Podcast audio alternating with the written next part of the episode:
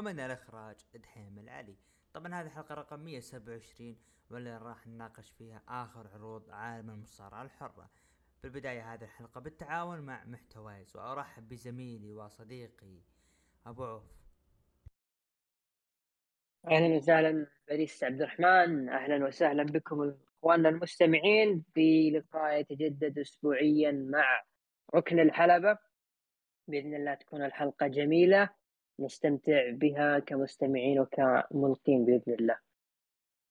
طبعا بالبداية نشكر كل من يعني دعمنا في المقطع الأخير اللي نزل في عالم اليوتيوب اللي كان آه، جزء من البودكاست الماضي الحلقة رقم 26 وحديث عن بروك ليزنر طبعا آه، راح يكون إن شاء الله يعني مستقبلا أفكار زي كذا راح تكون متواجدة في اليوتيوب من ناحية طرح بعض الآراء والأشياء المهمة بما يخص البودكاست. طبعا آه، لا تنسون متابعتنا في عالم اليوتيوب ركن الحلبة تويتر ركن الحلبة إنستغرام آه، فيسبوك تيك توك أبل بودكاست جوجل بودكاست وساوند كلاود باسم ركن الحلبة. عودة يعني الأسبوع هذا مع عودة المباريات الدوريات افتتاحية الدوريات كان عن طريق الدوري الإنجليزي. طبعا الحمد لله أنا مبسوط بما يخص الفانتزي شفنا أغلب النتائج ولا زال يعني أنا بالنسبة لي العودة أو البداية الحقيقية راح تكون إن شاء الله بإذن الله الأسبوع القادم بعودة الكالتشو متعة أو جنة كرة القدم كما قالها الراحل دييغو أرماندو مارادونا. ابو عوف اي تعليق. تقول ال... تقول ال Fantasy عندك ماشي مضبوط أجل هجومك سون وهالاند أجل. كيف عرفت؟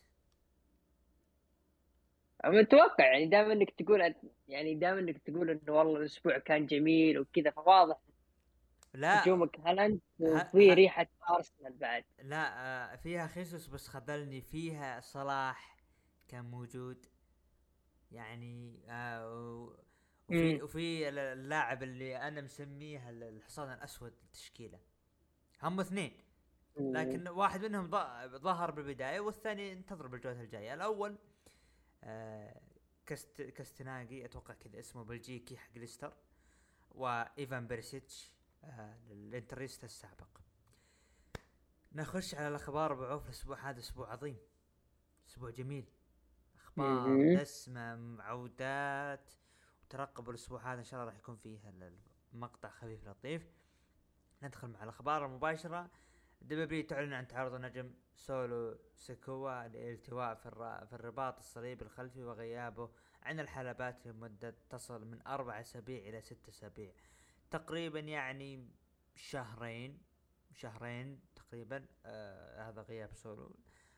أكيد يعني راح يكون له يعني بيكون له تأثير مو ما راح يكون له تأثير لكن آه هو إضافة العرض وعدم وجوده بيكون يعني مثل ما يقول يعني في شيء ناقص. الخبر اللي بعده آه وسط تحقيقات تم اكتشاف بأن فينس مكمان قد صرف خمسة ملايين دولار أخرى من أموال الشركة دون علمها قبل 15 عام. سؤال على السريع أبو عوف. لا إله إلا الله. تحس الأخبار هذه اللي قامت تزيد عن فينس مكمان يا أخي أنا ماني مختفي أنا أقول كذب بكذب. آه الأخبار متصاعدة مرة خبر يطلع إنه آخذ قبل 15 سنة، مرة آخذ قبل سبع سنوات تحس كل خبر تلقى فينس ماخذ قبل 20 سنة، يعني أنا خوفي يطلع خبر قبل لا يمسك الشركة. لكن نتحدث عن قبل 15 سنة وضع ال W يعني مميز يعني مريحة يعني ما تحتاج مثلا مثل هذه الأشياء اللي ممكن أصرفها. يعني لو إنه مثلا قبل عشر سنوات قبل ست سنوات بقتنع لأنه شفنا تحركات في ال W تجاه بعض الحملات تجاه بعض الأشياء اللي كانت تدعمها ال W ممكن إنه بس يستفيد من هذه المبالغ. لكن قبل 15 سنة يعني الدبليو دبليو ما هي مثل الدبليو دبليو حاليا. فتستغرب في الموضوع يعني. باختصار أبو عوف باختصار. هذه فلوس هذه بالنهاية فلوس فنس.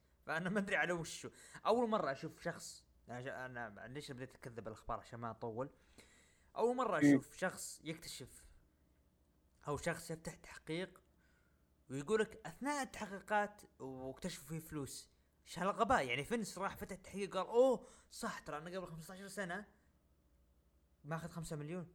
يا هذه هذه كلها كذب كذب أنت التحرشات الأخيرة اللي طلعت فينس هذه اكتشفنا في الأخير إنها من مبالغ بس.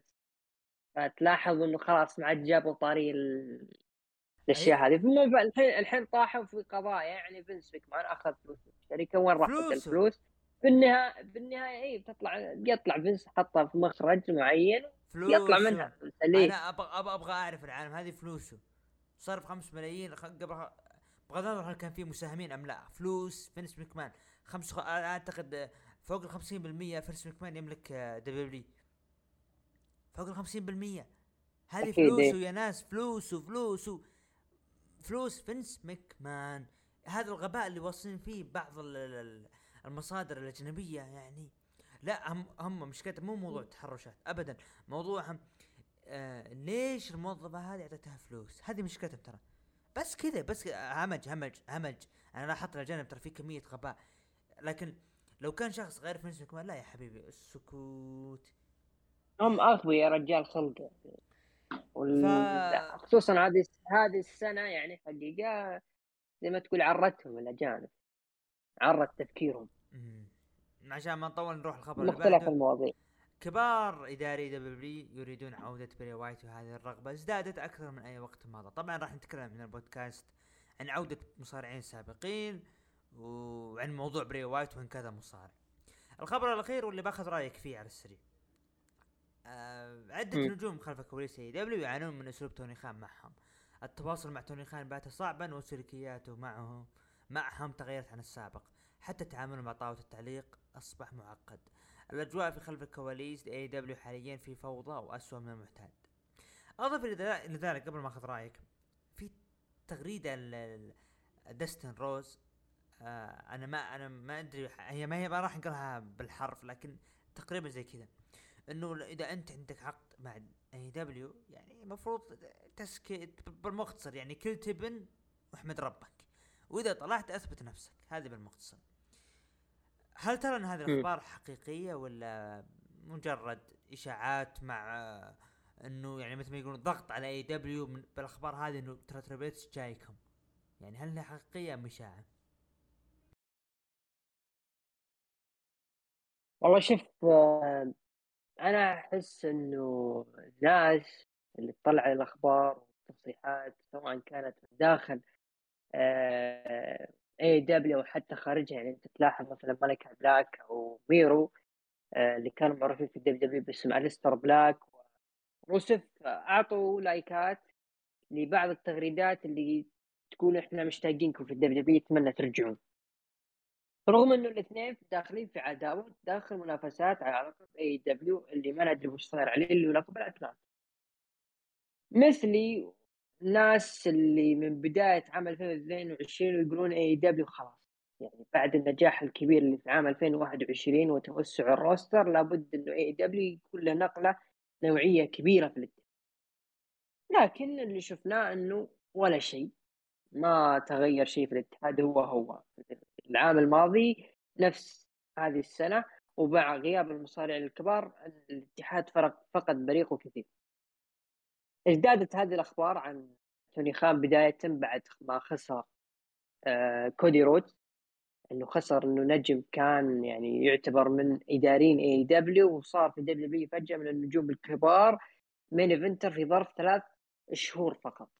يعني خلال سنتين كودي رودز يبغى يبني نفسه في آه، إنه هو أكبر نجم في اي دبليو دبليو بي في ثلاثة شهور حولوه نجم كبير والناس تنتظر إنه يكون آه، بطل قادم لل WWE هذه نقطة. موضوع MJF الناس فجأة صاروا بجانب MJF ضد توني خان. وأنا متأكد إنه في تحزبات داخل AEW واقفين بجانب MJF ضد توني خان. توني خان مشكلته من بداية هذه السنة تحديدا لما كبر اسمه أكثر وأكثر بدأ زي ما تقول يتسلط أكثر على الاتحاد.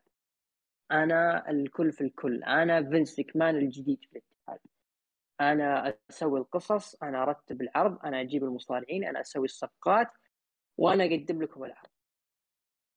وأنا اللي أخطط. هذه صعب جدا إنه يعني كشخص أنت تسويها لحالك. لابد يكون عندك فريق. و AEW يملك فريق يا رجل جبار في ال business ك pro wrestling قبل ما يكون entertainer يعني عندك مثلا ويليام ريجل قادر يتعامل مع المصارعين. براين دانيلسون أنا لاحظت براين دانيلسون خلال آخر فترة إنه ممكن جالس يعطي فرص للمواهب إنهم يقدمون أشياء حلوة. بداية مع ويلر يوتا والآن دانيال جارسيا بس هذه الأشياء ما عليها خطط ترى يعني أنا أشوف ما ما ما هي مخطط لها إنها تكبر الاتحاد. هذا السبب اللي خلى ناس كثير في AEW جالسين يزعلون من أسلوب توني خان. إنه أنت جالس تتخذ قرارات بناء على وش؟ ابدا ما في شيء. عشان كذا في آخر الخبر تقول إنه في فوضى في AEW بسبب إنه ما في أشياء مرتبة. يجيك مصارع يلا أنتوا اثنين في مباراة وخلصنا أبو أبو عوف آه خلينا نقول أكثر حيادية. هل ممكن تظهر أخبار مستقبلا؟ يعني ممكن بتكون إشاعة على AEW بحيث إنه الضغط عليه بأنه ترى Triple H جايكم بقوة؟ سواء كانت الضغط هو... سواء كانت. صحيحة الأخبار أم مجرد إشاعة؟ الأمانة الضغط جاب له توني خان وافشاه للعلن. يعني لما تشوف تصريحات تجاه ال WWE جالس يمدحهم أسبوع ورا أسبوع. يعني يقول لك والله تبلتش شفناه العمل في فترات سابقة وهذا يؤدي بشغل مميز لل business. يعني حط حط نفسه إنه من المعجبين في التربل إتش لذلك أنا بسوي نفسه.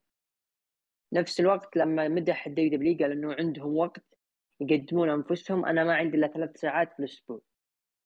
فتحس إنه هذه التصريحات يعني يبغى توني خان يطلع نفسه قوي في النهاية انهزاميه كبيرة في تصريح توني خان. لذلك قلناها الأسبوع الماضي كان في نقاش بيني وبينك يا عبد الرحمن. قلناه في بداية السنة.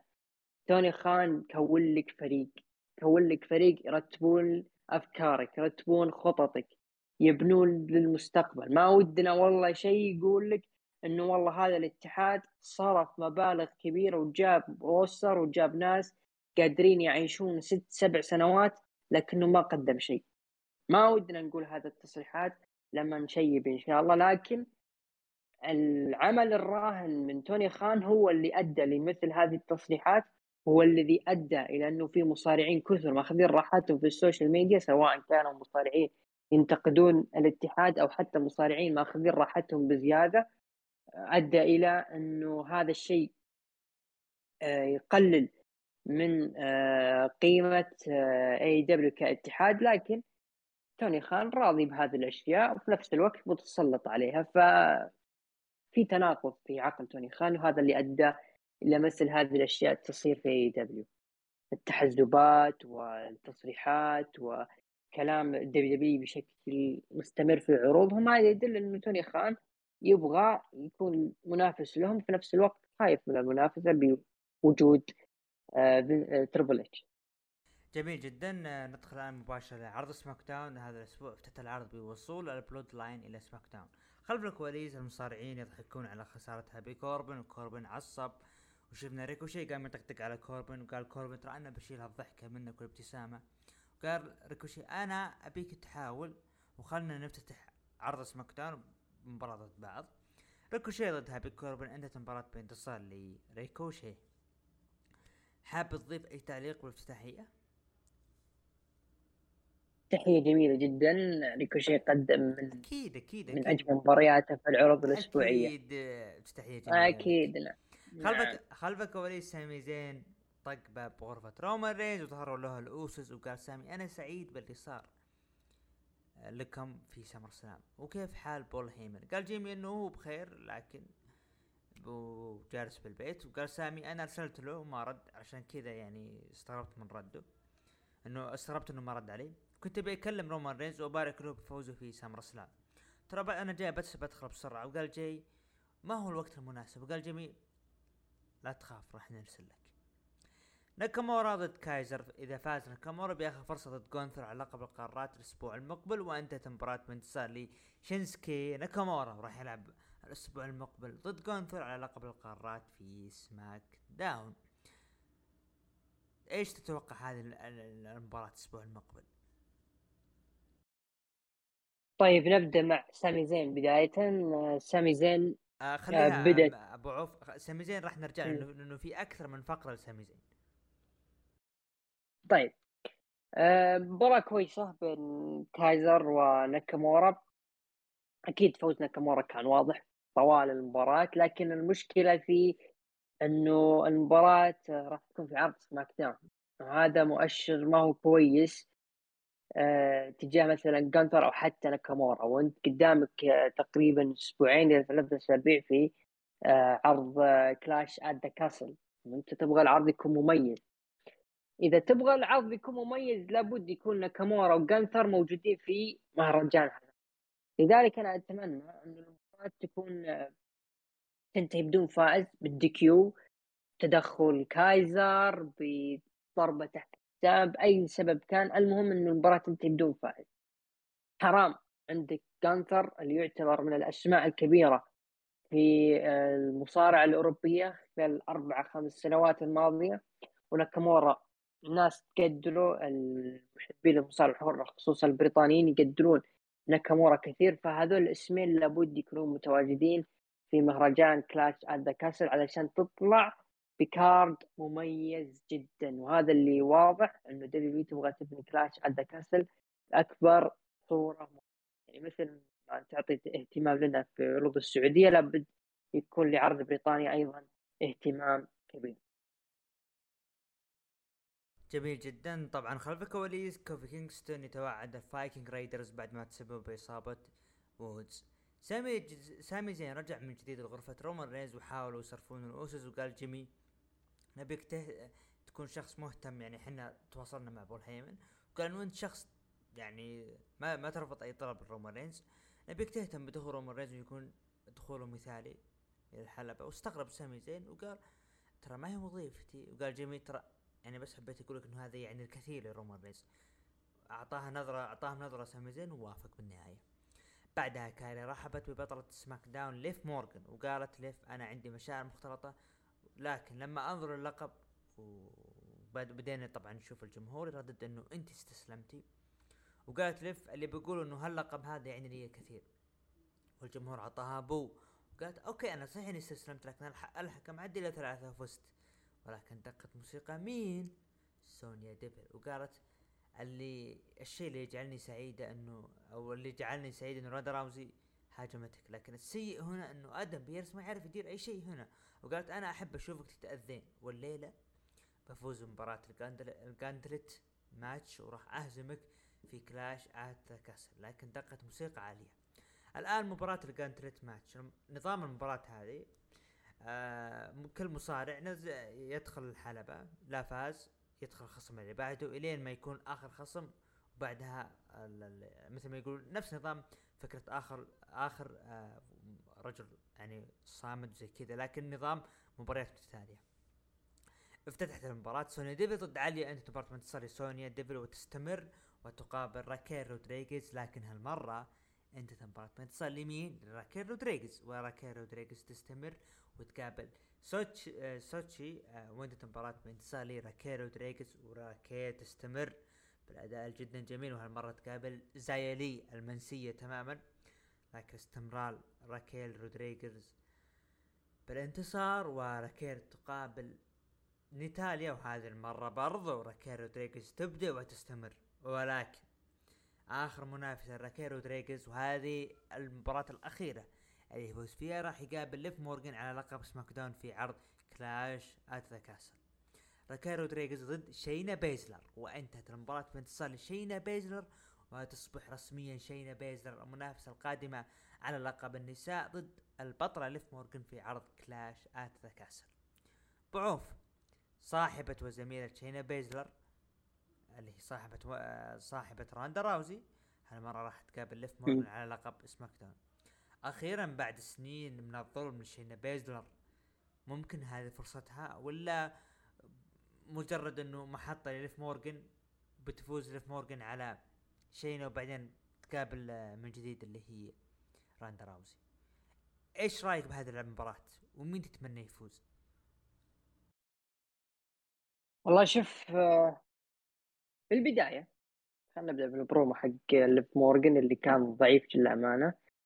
كان واضح إنه المسؤولين داخل يبغون ليف مورجن تطلع بشكل قوي وقادرة تهاجم لكن واضح لدرجة إنه ما قدرت تتصرف الموضوع. طلعت بالشكل اللي طلعت فيه خلف الشاشات ومما أدى إلى دخول سونيا ديفل إنها تبغى تنقذ ما يمكن إنقاذه من البرومو. هذه يعني مشكلة من ليف إنه ما تعود تتكلم في البرومو كثير أو نسيت الظاهر آه، أيام ما كانت مكروهة في فريق رايت سكواد. جي جي جي جي الليف فوز. بدينا الدفاع ها؟ شيء أي. أوكي. لازم لازم يكون مدافعين الأول والأخير والمنتصف في المكان. أه شينا بيزلر أه تكون خصم ليف مورجن مثل ما قلت يا عبد الرحمن إنه كون انها صديقة أه روندا روزي. فلا بد يكون في ربط في القصص مع غياب روندا روزي يعني كأنه شينا بيزلر هي روندا روزي نسخة منها لكن بش بشكل أكثر وحشية من آه، روندا روزي كأسلوب على الحلبة وهذا فكر ممتاز من ال WWE. ممكن يكون في ربط من القصص يعني يكون إنه شينا بيزلر ممكن تفوز بلقب Smack آه، Down في Clash at the Castle بمساعدة روندا روزي اللي نكتشف بعدين انه روندا روزي تقلب على شينا بيزلر إنه هذا اللقب هو لقبي فالمفروض أنا أكون المنافسة مو أنت يا شينا بيزلر ليش؟ مثلا سلبت مني هذه الفرصة رغم اني خسرت في الغش. فراح يكون في عداوة بين وشينا بيزلر آه مستقبلا إلا إذا كان تعامل WWE مع روندا روزي انها ما تشارك إلا في العروض الكبيرة هذا ممكن يضع يعني نقطة امام شينا بيزلر آه، لذلك توقعي في مباراة Clash at the Castle إن اللي راح تفوز آه، شينا بيزلر وراح تقلب عليها روندا روزي في العرض. وليف مورجن ال underdog امم يعني خلاص نفتك من الفترة الكئيبة اللي بحمل اللقب. راح نفتقد نعم هذه الفترة اللي ما كان فيها أي منافس لليف مورجن آه راح نفتقد. okay okay okay okay. يعني لكن لابد يعني نوجه تحية لأسلوب راكيل جونزاليس أو راكيل رودريغيز في المباراة كل يعني قدمت مستوى جميل. وهذه نقطة تناقشناها في الكواليس بين بيني أنا وعبد الرحمن إنه بعض النجوم يعني WWE تبغى تهتم فيهم لكن في نفس الوقت خايفة تعطيهم ال push الكبير. هذه شفتها تكررت هذا الأسبوع مرتين. المرة الأولى مع راكيل رودريغيز والمرة الثانية راح نشوفها إن شاء الله في هذا يعني يضعف إنه لا زال في خوف WWE إنه المغامرة والمراهنة على النجوم الجاهزين. هذا اللي أنا أشوف لا زال موجود.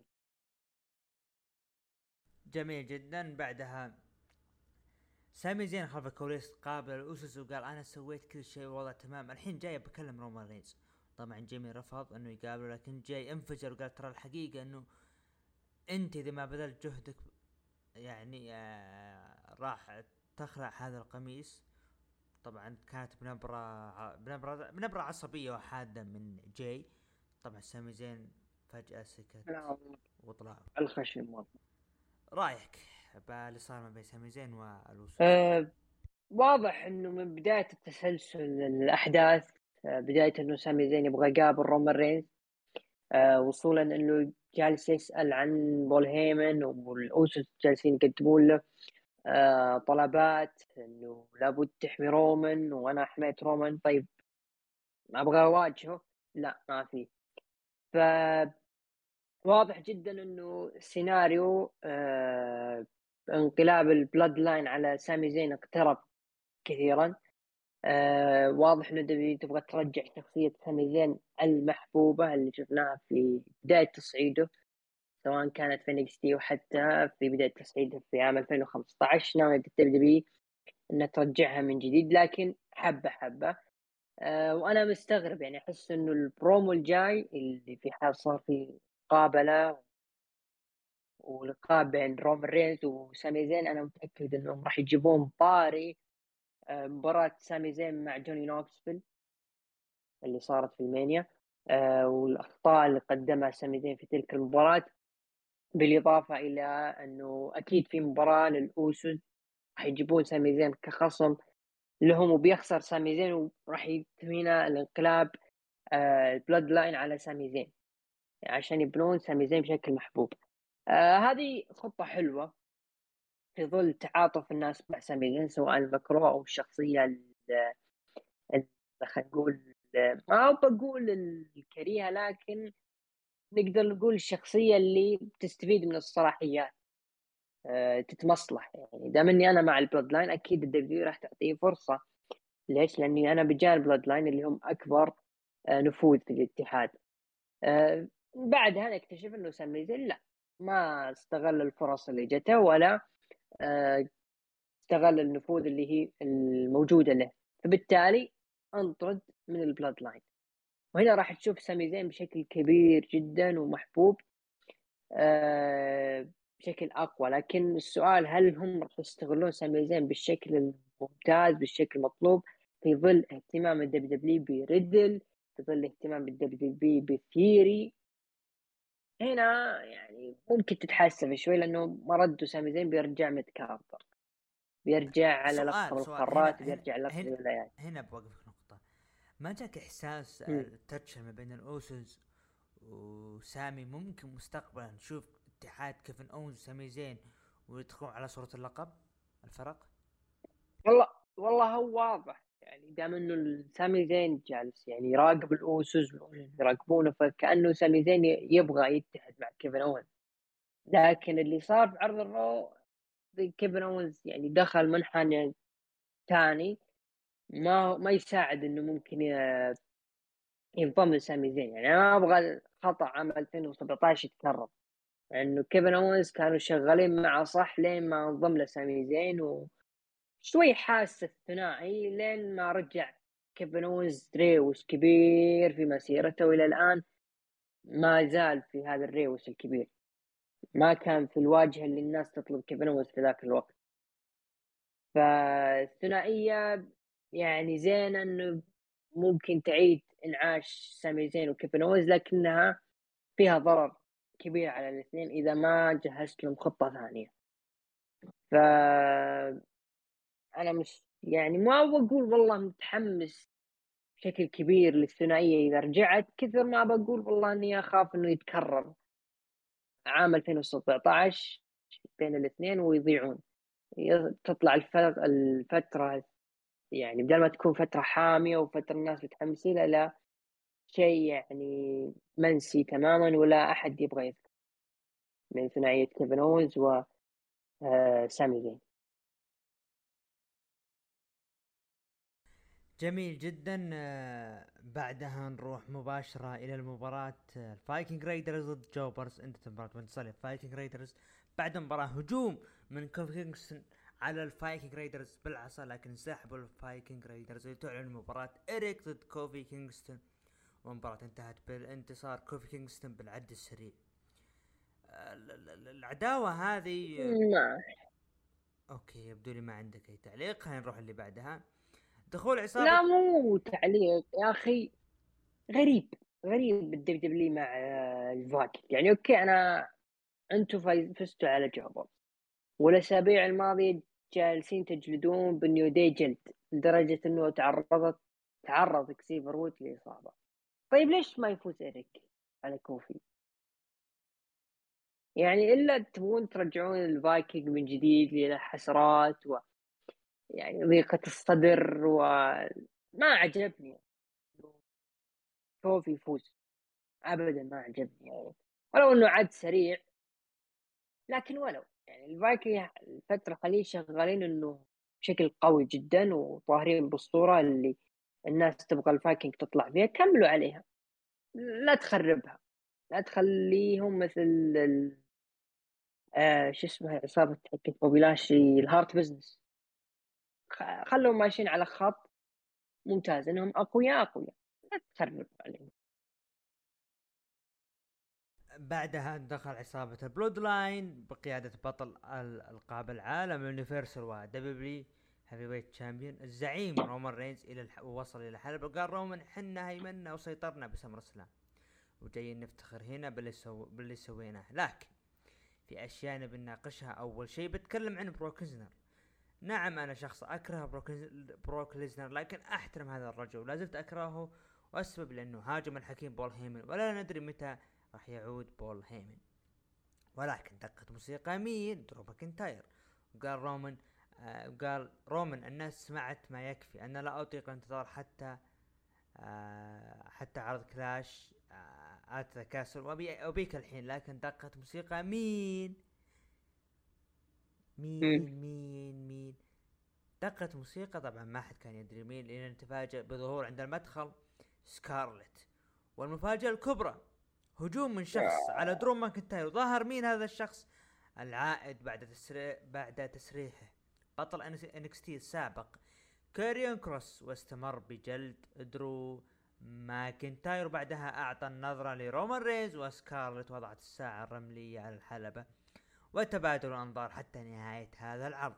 ومشاهدات العرض انتهت أو كانت بمليونين ومئتين ألف مشاهد. طبعا أبو عوف أنا ما راح آخذ رأيك بعودة كارين كروس لأنه راح نخليها ما بعد عرض ال Raw. أه هل راح يكون في إضافة لكارين كروس كطرف ثالث؟ هل راح يكون ألقاب العالم راح يتم إنه كارين كروس راح يدخل على صورة لقب عالم ودور ماكتير على لقب آخر أو كلها مباراة ثلاثية على اللقبين. طيب آه، أو بداية خلينا نشكر ال WWE إنهم سمعوا اقتراحاتنا الأسبوع الماضي. لما اقترحنا انه في البداية حط مباراة ثلاثية لأنه درو ماكنتاير ورومان رينز صعب إنك تضحي بأحدهم.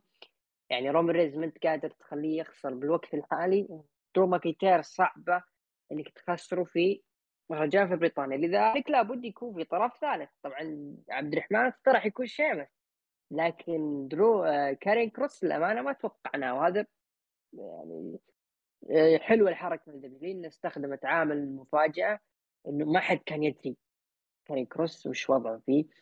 أه هل بيظهر ولا لا؟ خصوصا إنه تسريب إنه كارين كروس بيوقع مع ال WWE ظهر قبل العرض بساعتين. أو قبل العرض بساعه شيء زي كذا. فشيء جميل من ال WWE إنها استغلت هذا الشيء. نروح لل promo. ال promo آه بس في بداية رومان رينز tribute لبروك ليزنر. آه إنه على الشيء اللي قدمه خلال الفترات الماضية. مع طابع آه اللي هو ال manager ولا أدري متى بيرجع إنه مثل أي شخص فزت أنا عليه. لابد ياخذ ثأره. آه، درو ماكنتاير أحس إنه زي ما تقول خلاص آه، العروض في بريطانيا ما هي مثل العروض في أمريكا.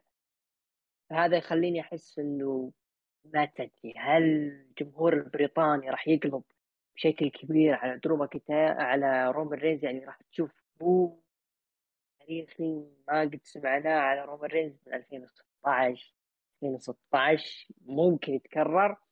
وهذه أحس إنه حركة من WWE لابد نطلع رومان رينز باسوء شكل علشان يطلعنا في عرض بريطانيا. boo تاريخي بدل ما الناس تشجعه لما يقول acknowledge me أه متحمسين للمباراة متحمسين للقادم. أه وأحس ان المباراة ممكن تتحول لمباراة ثلاثية. أه ممكن رومان رينز فعلا يخسر أحد الألقاب لدرو ماكنتاير لكن اللي ثبت كاري كروس أو العكس يعني. للأمانة في غموض في هذا الثلاثي ما تدري إيش ممكن يسوون يعني. كاري كروس رجعوه بشكل قوي لكن أنا بالنسبة لي ما ردوا بيخسر يا درو ماكنتاير أو حتى رومان رينز. لأنه الاسمين درو رومان أقوى بكثير من آه كارين. ولو إنه قوة كاريون هنا يعني متساوية بين الأطراف آه، الثلاثة. يعني كلهم متساويين من ناحية القوة كشخصية.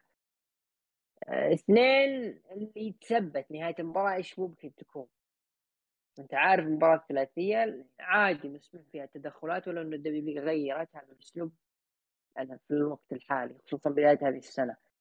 فغموض كبير في آه، دخول كارين كروس ولو إني استغربت في البداية لكن لما تيجي تفكر فيها أكثر من مرة لا بتتحمس لأنه ما في شيء واضح ما في تسريبات ما في أي آه، شائعات بخصوص الطرف الثلاثي يتخيل معي لو قالوا مثلا والله مباراة ثلاثية راح تتغير فالناس راح تقل حماسة لكن شوف الآن الناس متحمسة أكثر وأكثر ل Clash at Castle إيش ممكن النهاية؟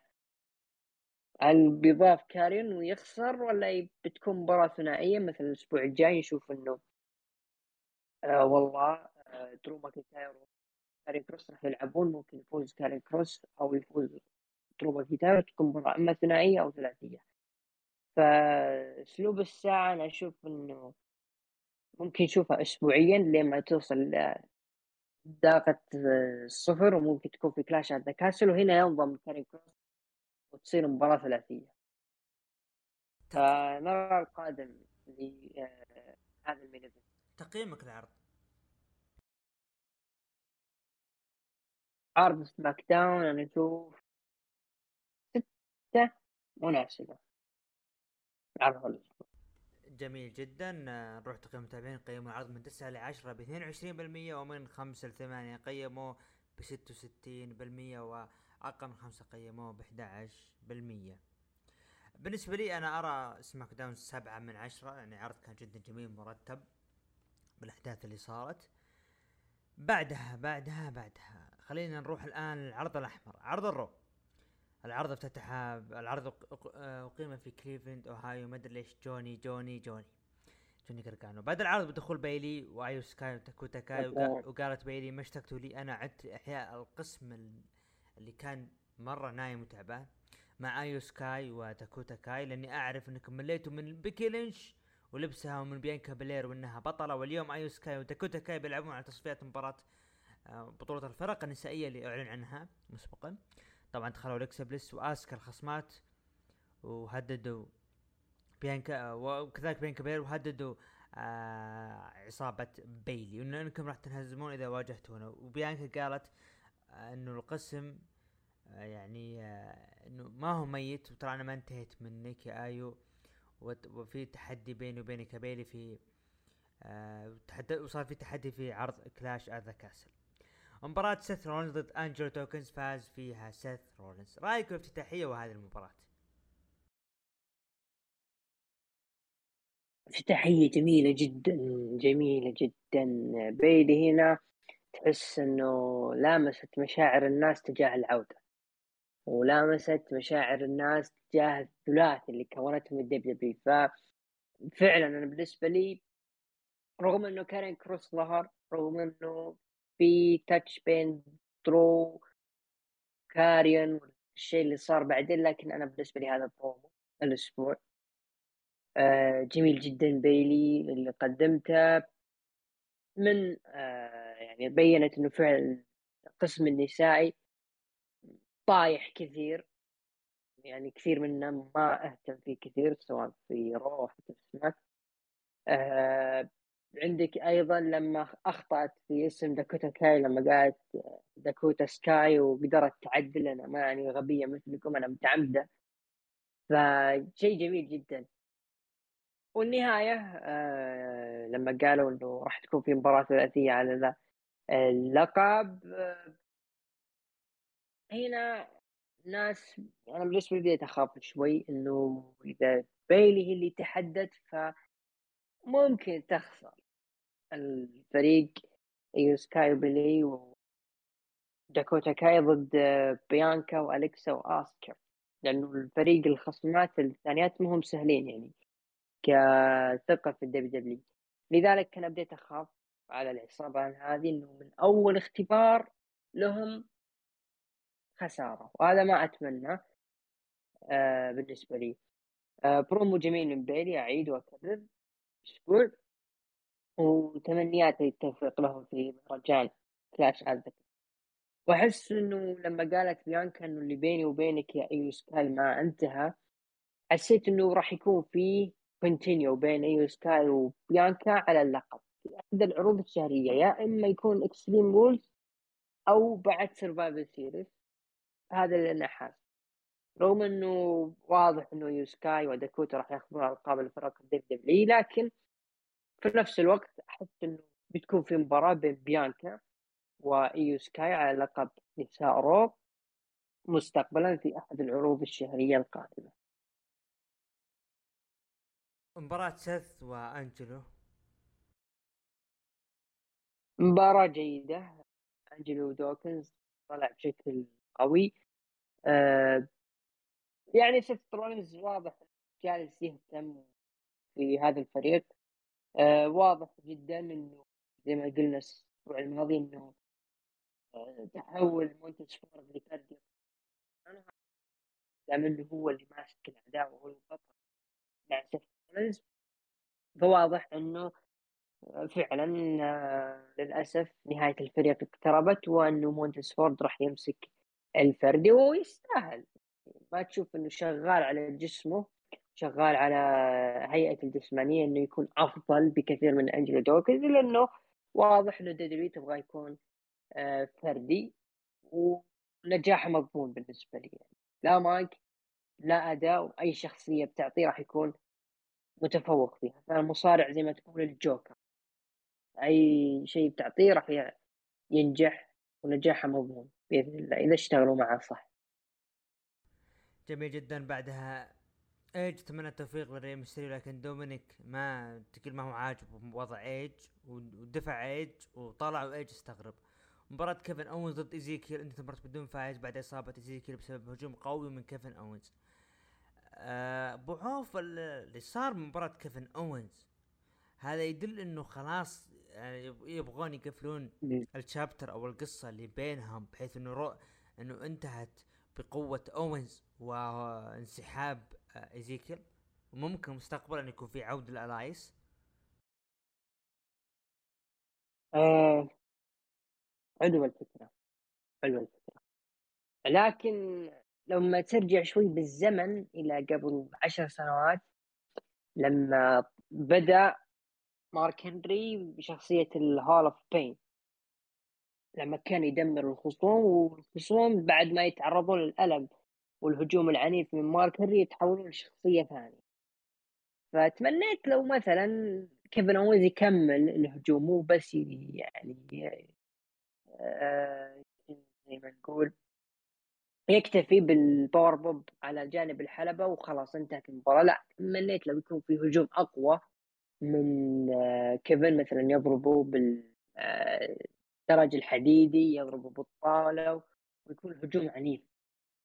ففعلا يكون هذا ال chapter الأخير لكيفن أونز وإيزيكيل. ممكن يكون هذا فصل ختام لإيزيكيل وممكن يتحول لإلياس أو يكمل خلاص إيزيكيل لأنه بيقعد وقت طويل على بال ما يربي الدقن ويربي الشعر فيحتاج كمية كبيرة من زيت الحشيش.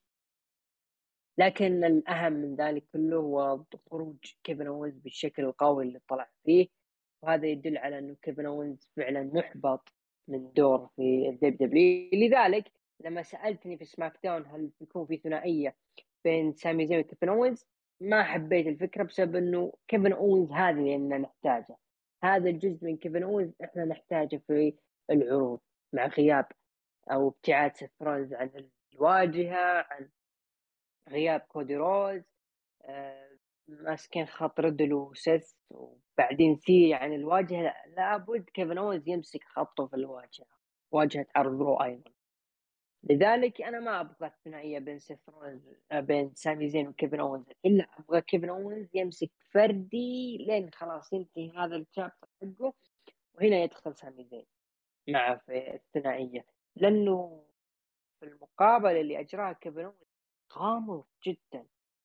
كان في أحداث تصير في ال WWE وفي العرض الناس ما كانت منتبهة. فأنا متأكد إن البروموهات الجاية اللي بيقدمها كيفن اونز في ألغاز بتصير في ال WWE تذكر العام الماضي اللوز البطارية. للأسف اكتشفنا إنه في الأخير طلعت تيجن ناكس.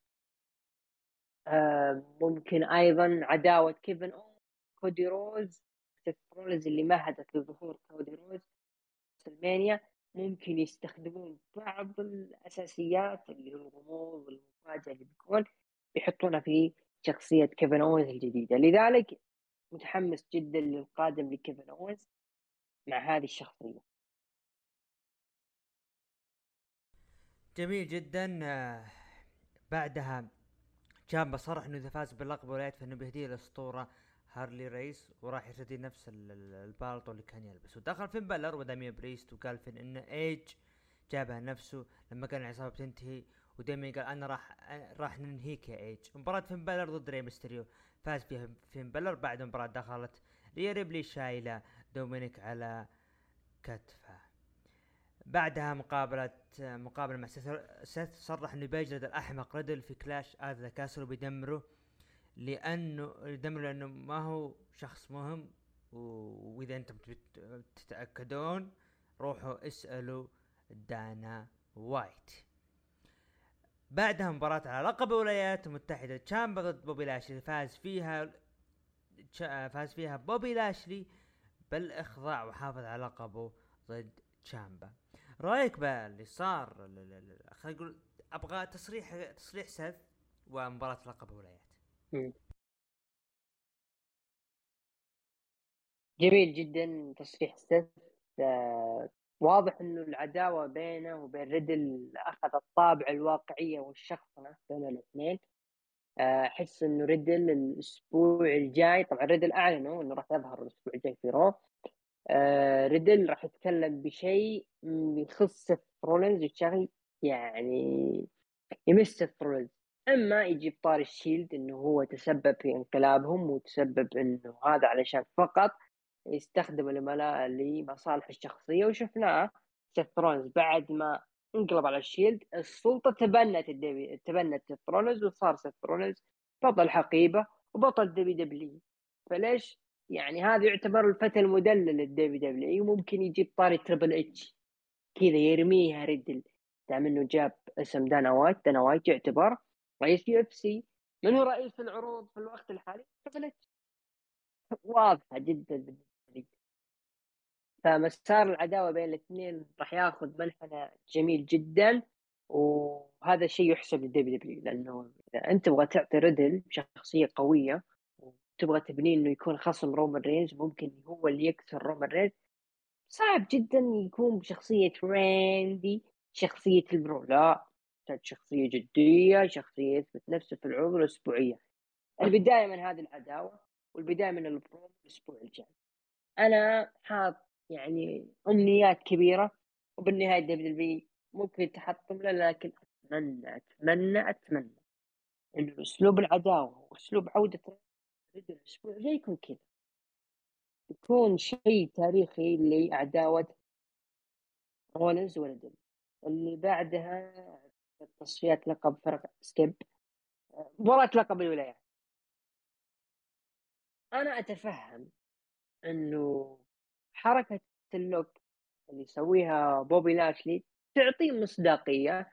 شخص بضخامة بوبي لاشلي لما يسوي حركة ال lock صعب جدا أي مصارع يفك منها. ما صعب مثلا درو ماكينتاير ما قدر يفك منها بسهولة. ثيوري لأنه أصلا ثيوري بحياته ما أعتقد أكل حركه إخضاع. فمن الطبيعي إنه يخسر بسهولة بالإخضاع لكن تشامبا يعني تشامبا خنقة جوني قرقانو كثير استخدم جوني جرجانو أكثر من حركة علشان يخضع تشامبا وفعلا صحيح إنه أخضع لكن أخضع بصعوبة. فتمنيت إنه حرام يعني إنه تشامبا بمجرد ما إنه بوبي لاشلي يعني أعطاه ال lock على طول تشامبا استسلم تمنيت لو تشامبا مثلا مسك الحبل وبعدها تشامبا بوبي لاشلي يسوي spear ويثبت أفضل بكثير من الحركة اللي صارت. لأنه هنا قتلت تشامبا وفي نفس الوقت أنت متحمس و آه إنك تعطي تشامبا دفعات يستحقها بوجهة نظرك. لكن فوز بالاخضاع ما ادري أنا ما جازت لي. انه يخسر تشامبا بالاخضاع أتفق معك بكل صراحة أنا استغربت. المفروض إنه ما يكون بكذا. هم أنا جالس الاحظ شغالين فترة راحت على موضوع ببلاش يفوز بالاخضاع بالاخضاع المشكلة من المشكلة إنه تخاف إنه يعني يجيك أحد يا حبيبي هو اللي ينتصر على بوبي لاشلي وانتصار يكون يضحك. عموما آه بعدها عطني المباراة اللي بعد. تشاد جيبل ضد دوف زيجلر فاز فيها دوف زيجلر. في مقابلة صرح فيها من كل- أفضل مباراة في الأسبوع أفضل مباراة في الأسبوع. وفي لقطة يعني حزت حزنتني كثير. هي لما تشاد جيبل قال shoosh تحس ملامحه فيها حزن وفيها شوي كآبة من وضع الحالي. وفعلا يعني حزين كثير على وضع تشاد جيبل. دام إنه أنت يعني يا تريبل اتش يعني متحمس إنك تعطي فرص لدفعات للمصارعين. ما اخذوا حقوقهم في WWE. يعني تشاد جيبل المفروض يكون هو أحد هذه النجوم لأنه هذا هو أفضل مستوى وأفضل level لتشاد جيبل فاستغله. mic top. أداء top. ليش ما تعطيه فرصة طيب؟ علشان فقط يقول لك shoosh وبجانبه أوتيس تكفى يا تربل اتش يا تشاد جيبل لا, عوف. لا يضيع منك. مع احترامي لك أبو عوف الرجال تو قال بسم الله على طول تطالبونه بأشياء. ننتظر ننتظر. تونا تونا. تيجي أيام في في أشياء. الرجال؟ خلينا خلينا الرجال متحمس. الرجال متحمس. أنا أنت تقول إنه أفضل مباراة. ما أدري يا أخي عندك بيرجع بيرجع عروض الأسبوعية بيخليها NXT طيب. إي أفضل مباراة بالأسبوع. يعني قدموا لك wrestling match طيب ديربي ألن؟ هذه يا رجال. مباراة ديربي ألن برودي قلب. يا رجال. مباراة. دقيقة دقيقة. مباراة جون جون موكسلي وجيريكو. عموما إيه أنت يمكن يمكن انت ركزت على ولا ولا أنا ما أدري ليش ليه معلش معلش الأسبوع الجاي الأسبوع الجاي دانيال غارسيا براين بيفوز براين وقبلها بأسبوعين فايز على دانيال غارسيا أنا ما أدري ليش أبو عوف هذا إي أنا ما أدري ليش أبو عوف أعجب المباراة ممكن عشان ال- الألوان اللي- كانت مع دوف زيجلر. عموما طبعا مباراة انتهت بانتصار دوف زيجلر. شت في في مقابلة صرح وضعك أنت يا أخي أنت تطلعني مواضيع ما لها داعي لا لا, لا ابدا ما. في مقابلة صرح فيها كيفن اونز عن سبب هجومه لايزيكيل وقال الموضوع عادي وهذا كيفن اونز show. مباراة handicap أوماس ضد jobbers فاز فيها أوماس. skip هذه صراحة. كان في مباراة آه، ما بين دودروب ونيكي آش ضد اليكسا بليس واسكا تأجلوها الأسبوع الجاي. طبعا السبب معروف علشان موسم ال games ال gamers في الرياض اللي حاليا يقام. الحدث الرئيسي مباراة الحدث الرئيسي مباراة بدون قوانين ذا ميز ضد اي جي ستايلز فاز فيها اي جي ستايلز بعد مباراة الأمن أمسكوا واحد. طبعا أثناء العرض شفنا في حادث وراء أثناء اللي هو مقابلة كيفن أوينز وكان في رجال أمن يركضون خلف الكواليس. طبعا بعد مباراة ستايلز الأمن مسكوا واحد من الجمهور اللي كان يحاول يدخل الحلبة لنكتشف مين؟ ديكستر لوميس. ديكستر لوميس اللي كان مسرح من WWE سابقا يعود الآن في عرض ال Raw لكن عن طريق المشجعين. وبذلك ينتهي عرض ال Raw بمليون و 975 ألف مشاهد. أبو عوف رأيك في عرض ال Raw طيب بالحدث الرئيسي. ستايلز وذا ميز أنا أشوف لو ال WWE قالوا مباراة ستايلز واتش كذا بدون أي قوانين انها أوفر لهم. ما شفت أي شيء يدعو للمباراة تكون بدون قوانين. ما فيها أي شيء. فقط اللهم إنه دخل تشامبا و... وحاول يهاجم ستايلز وبس يعني. هذه أشياء نشوفها أسبوعية في العداوة. فوش وش معنى إنه مباراه بدون قوانين؟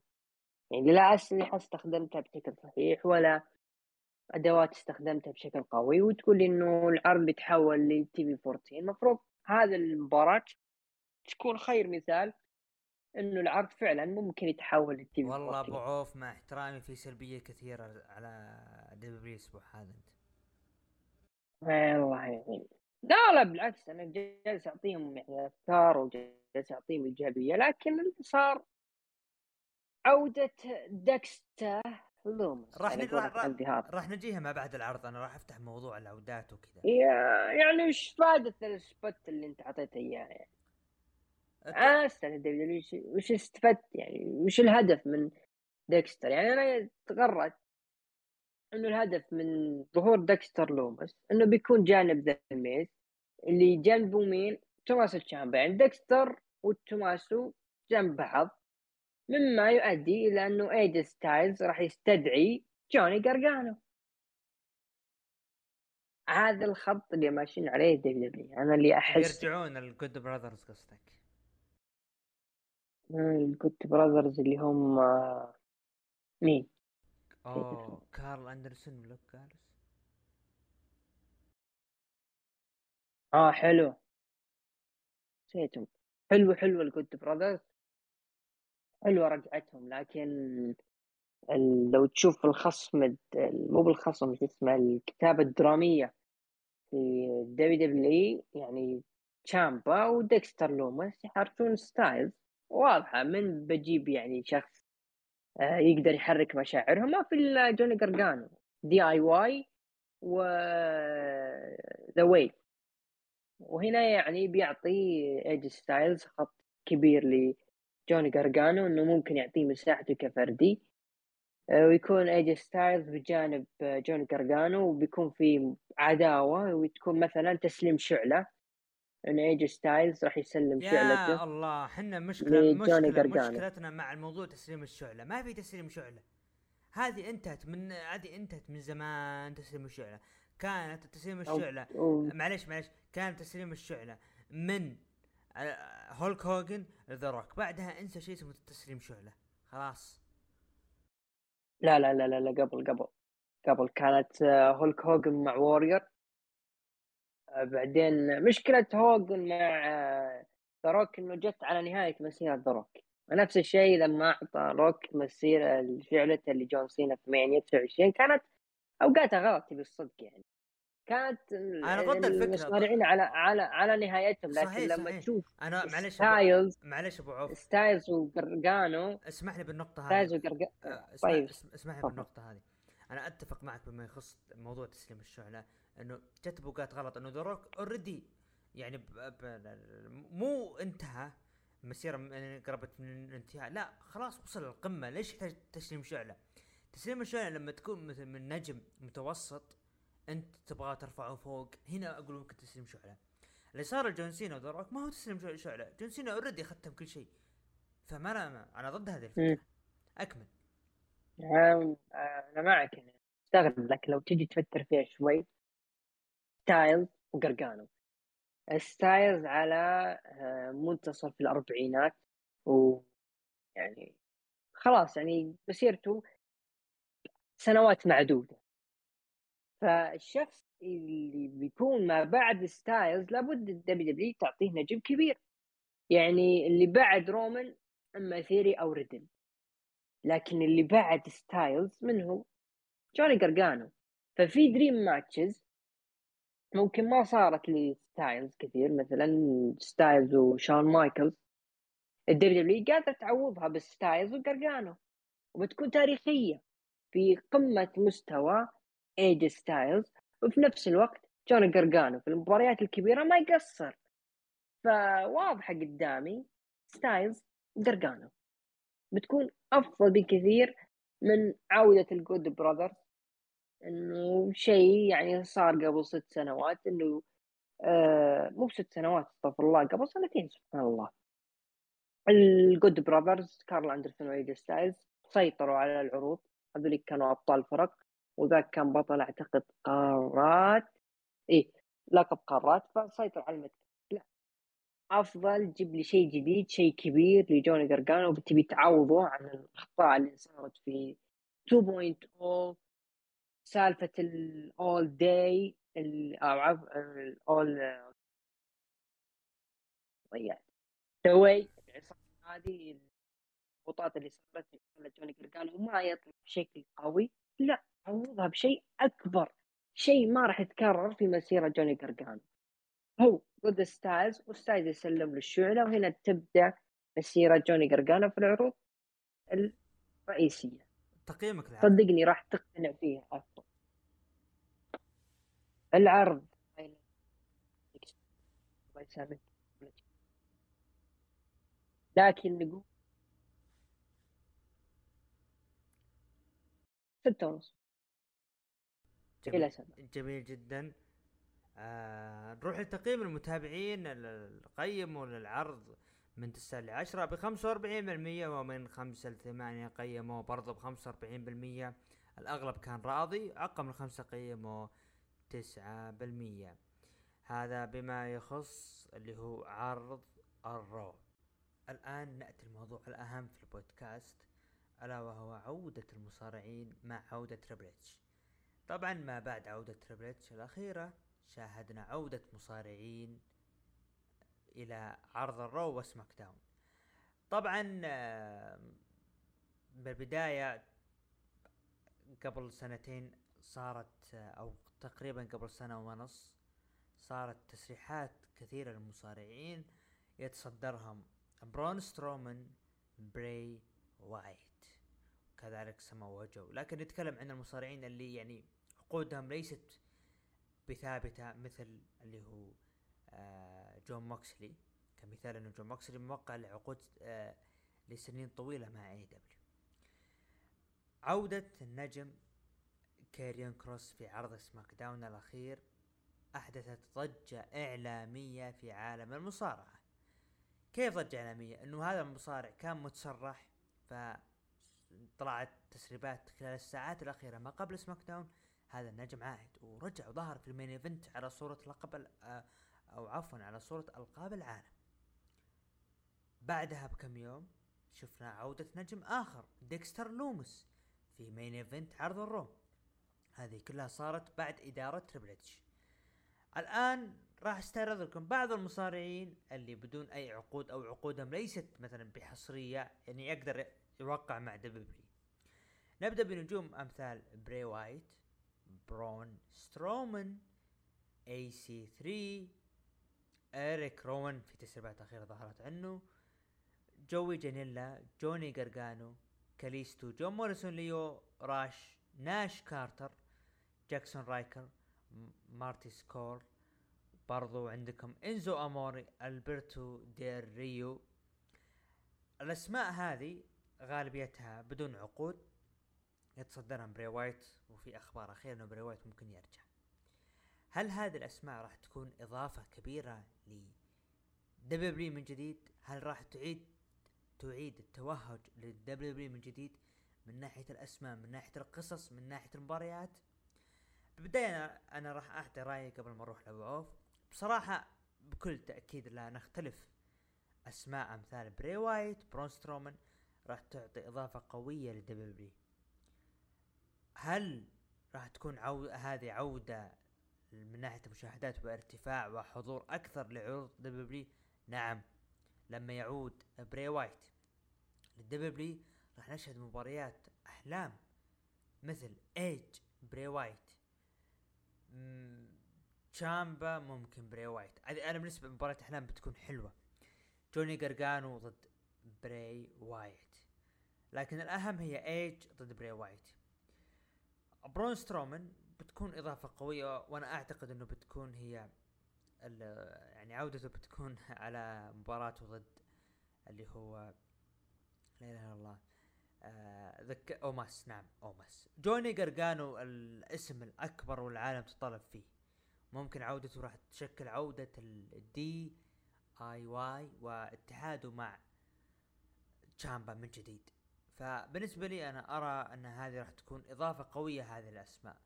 أبو عوف هل عودة أو أو العودات الأخيرة للمصارعين تصدرها عودة كاريون كروس وكذلك ديكستر لومس وبعض الأسماء اللي قلتها من قبل شوي هل ترى انه هذه راح تكون إضافة قوية ل W وعودة W من جديد ويكون في تحسن من ناحية القصص؟ عطني رأيك. في البداية خلينا نحاول نفكر مثل تربل اتش يعني ما العلة وما الأسباب اللي خلته يتسرع بعودة بعض من نجوم NXT آه، خلال الأسابيع الماضية بداية مع داكوتا كاي وإيو سكاي وصولا إلى آه، ديكستر لومس أنا شعرت خلال المتابعة أنه تريبل كأنه يوصل رسالة إنه يا W كان عندنا مواهب موجودين نملكهم آه لكن تسرعنا في تسريح عقودهم وأقدر أنا أعيد التعاقد معهم وأستخدمهم بالشكل المطلوب وبالطريقة اللي أنا أرى إنها راح تكون ناجحة. تحمسوا الجماهير مع عودة آه، إيو سكاي وداكوتا كاي الوضع كان مرتاح جدا الناس يعني متلهفة لشغل تربل اتش لكن أنا حسيت انه تربل اتش تحمس شوي خلال هذا الأسبوع. لما رجع كاريون كروس بطريقة مفاجئة بطريقة يعني خل قطع ال main eventer على طول كذا أه تحس إنه يبغى ينسي الناس تعامل كيف تعامل كاريون كروس مع أه كمان لا تعامل معه مثل ما تعاملت معه في ال NXT إني أحطه على ال main eventer مباشرة بغض النظر وش كان صار. الناس يعني تقبلت وضع كاريون كروس مفاجأة لكن مع ظهور ديكستر لومس. هنا كثرت التساؤلات وكثرت الكلام إنه يا تربل إتش ليش رجعت ديكستر لوم؟ هل هذا معناه إنه في نجوم كثر راح يرجعون في إن إكس الله يستر يعني إيش الاسماء القادمه أنا ما ودي أقول هذه الأسماء لكن في أسماء كانت موجودة في ان إكس تي الناس ما كانت رغبة فيهم لكن كان يعزهم تربل اتش تايلر بريز نو وي خوسيه آه، تيجن ناكس يعني كانت هذه الأسماء كان يحبها تربل اتش وممكن إنه يرجعها من جديد للعروض. ما نتمناه ونتمنى إنه تربل اتش يهدي اللعب شوي علشان ما تضيع هذه الأسماء. آه، من أكبر قالها براي وايت وارد جدا عودته. هذه شطحة مني بس إنه ما راح يرجع كبراي وايت اللي عرفناه ممكن يطلع بشخصية جديدة مقتبسة من الفيلم حساب الشخصي وايت إكس فواضح إنه راح يدخل شق أو تشابتر جديد بري وايت ما راح يستكمل على الجزء اللي قاله. آه برون سترونج في 3 شغالين ب آه مشروع خاص فيهم جالسين يشتغلون على اتحاد خاص فيهم لذلك عودتهم صعبة شوي.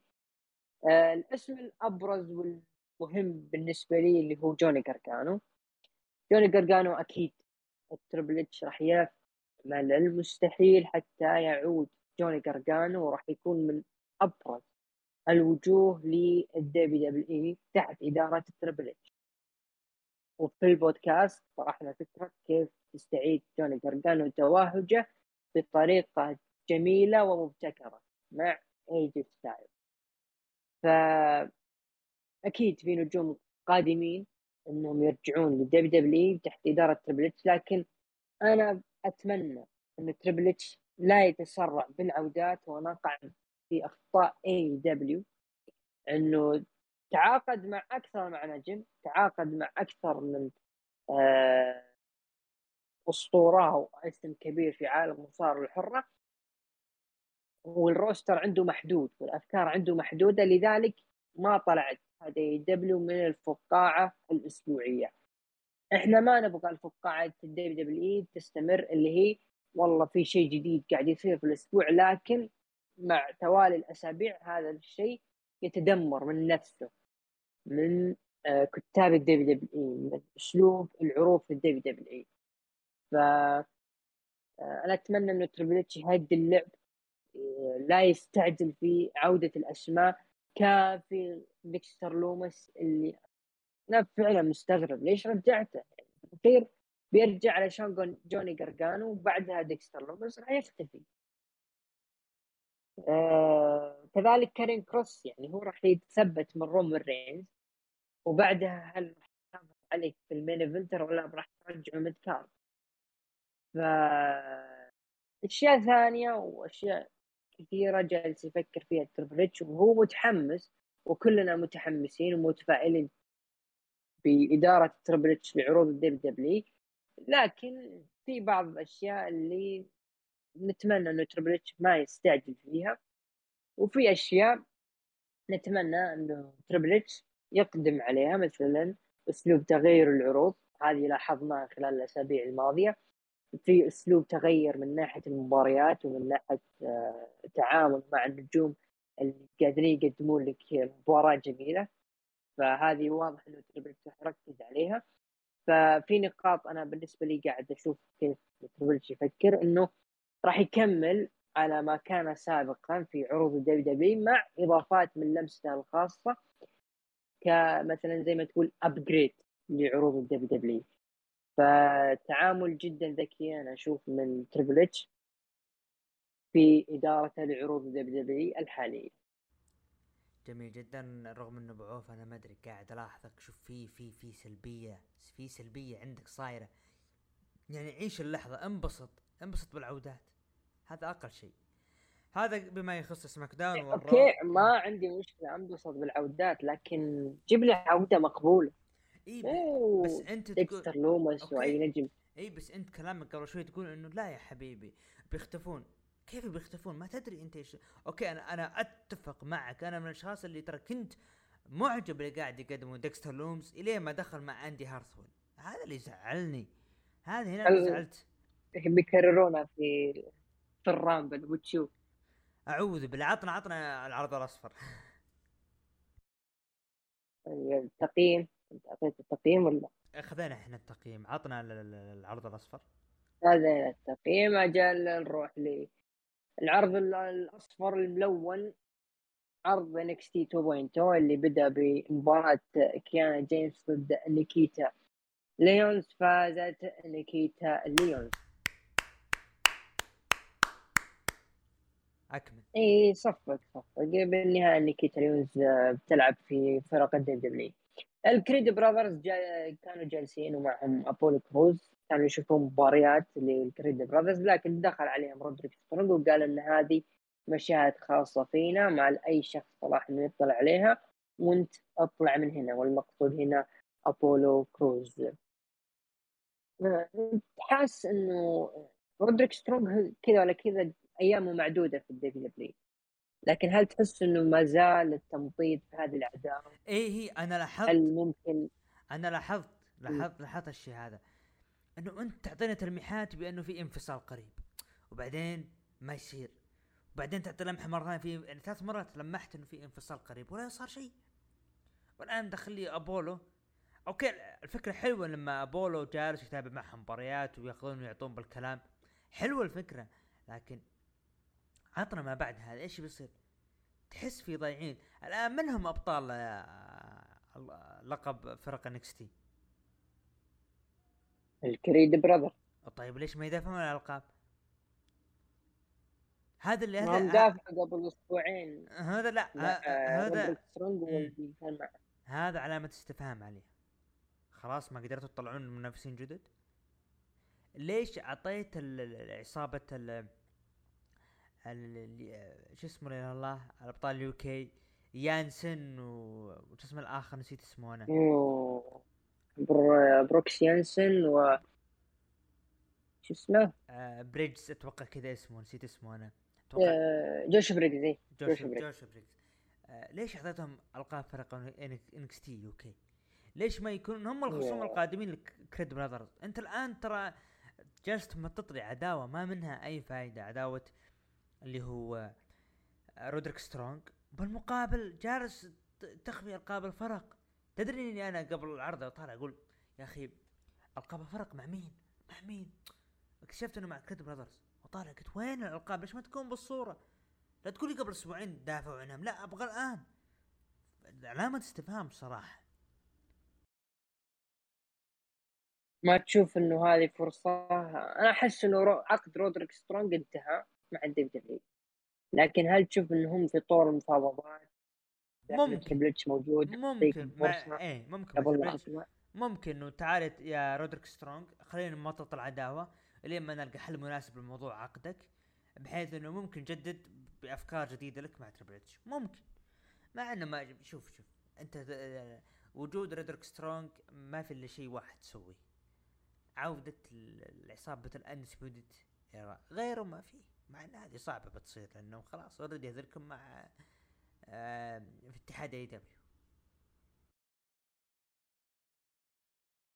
الله يذكرهم بالخير Era شفنا بعدها مباراة ملاكمة والجولة الثانية تكون مصارعة بين ويسلي ضد تريك ويليامز فاز فيها تريك ويليامز آه بعدها شفنا فقرة آه اندري تشيس آه عندي عندي عندي تعليق تعليق. العداوة نعم. المباراة ترى صارت فيها أكثر من round ال round الأول فاز فيها تريك ويليامز. ال round الثاني فاز فيها مين؟ ويسلي. ويسلي. والجولة الأخيرة؟ أعتقد أنه فاز فيها تريك. ويسلي. لا ويسلي. أنا أعتقد أنه فاز فيها ويسلي. يعني جولتين هذا النص اللي قدامي يقول لي تريك ويليامز ف ما أدري يعني تشوف إنه ويسلي هو اللي فاز. أعتقد إنه دحيم العالي ما كان مركز ابدا. يعني أنا آه الفكرة آه، كانت جميلة يعني. الأداء الفقرة هذه لما تكون إنه إنه آه، طابع اللي هو طابع ال boxing مع ال wrestling ممكن جذب أشخاص إنه ترى okay إحنا ممكن نقدم شيء هنا. ف ويسلي من الأشخاص اللي قاعد يقدم لك شيء يعني تحس إنه علامة الحزن لما خسر زميله ناش كارتر. أتوقع كذا اسمه. فيعني شيء يحزن يعني بصراحة إنه إنه أنت إنه أنت كان عندك فريق عظيم. مشيت صح؟ يعني أنت أنت في أشياء سويتها تاريخيا يعني. فضايح اللي طلعت على آه لارس سوليفان. مشيتها. صح ولا لا؟ مشيتها. يعني خليك تكون بس انطرد بالأخير. بس بعد إيش؟ أنت أعطيته فرصة. انطرد بالأخير. يعني مثلا هذه أنا شوف يعني يعني شوف المباراة هذه ويسلي وتريك ويليامز شفنا إحنا ال round الأول فاز فيها. آه تريك آه ويليامز والجولة الثانية فاز فيها ويسلي. وانتهت هي بالنهاية بمصلحة من ويسلي إيه. في الجولة الرابعة. فكانت هي الفكرة حلوة إنه كيف ويسلي تاخذ وتعطي معه بالتنويع بالمباريات هذه. وطبعا يشكر تريك ويليامز اللي قدم الأشياء الجميلة لكن أرجع وأقول يعني الفرصة الأخرى تريبل اتش ناش كارتر رجعوا. يعني واضحة حرام. ويسلي موهبة ناش كارتر موهبة. بس من اللي من اللي فوق تريبل اتش من اللي فوقه؟ نيك خان. واللي باع واللي جنبها من هو؟ ستيفاني؟ يقدر إيه ف تريبل إتش يقدر يراضي ستيفاني مكمان بعد الطرق وستيفاني تقدر تقنع مو تقنع تقدر تصدر قرار غصب عن نيك خان فهذا بالنسبة لي أنا أشوف انها مباراة جميلة يشكر فيها تريك ويليامز اللي قدم أشياء جميلة كذلك ويسلي. يعني حلوة المباراة هذه.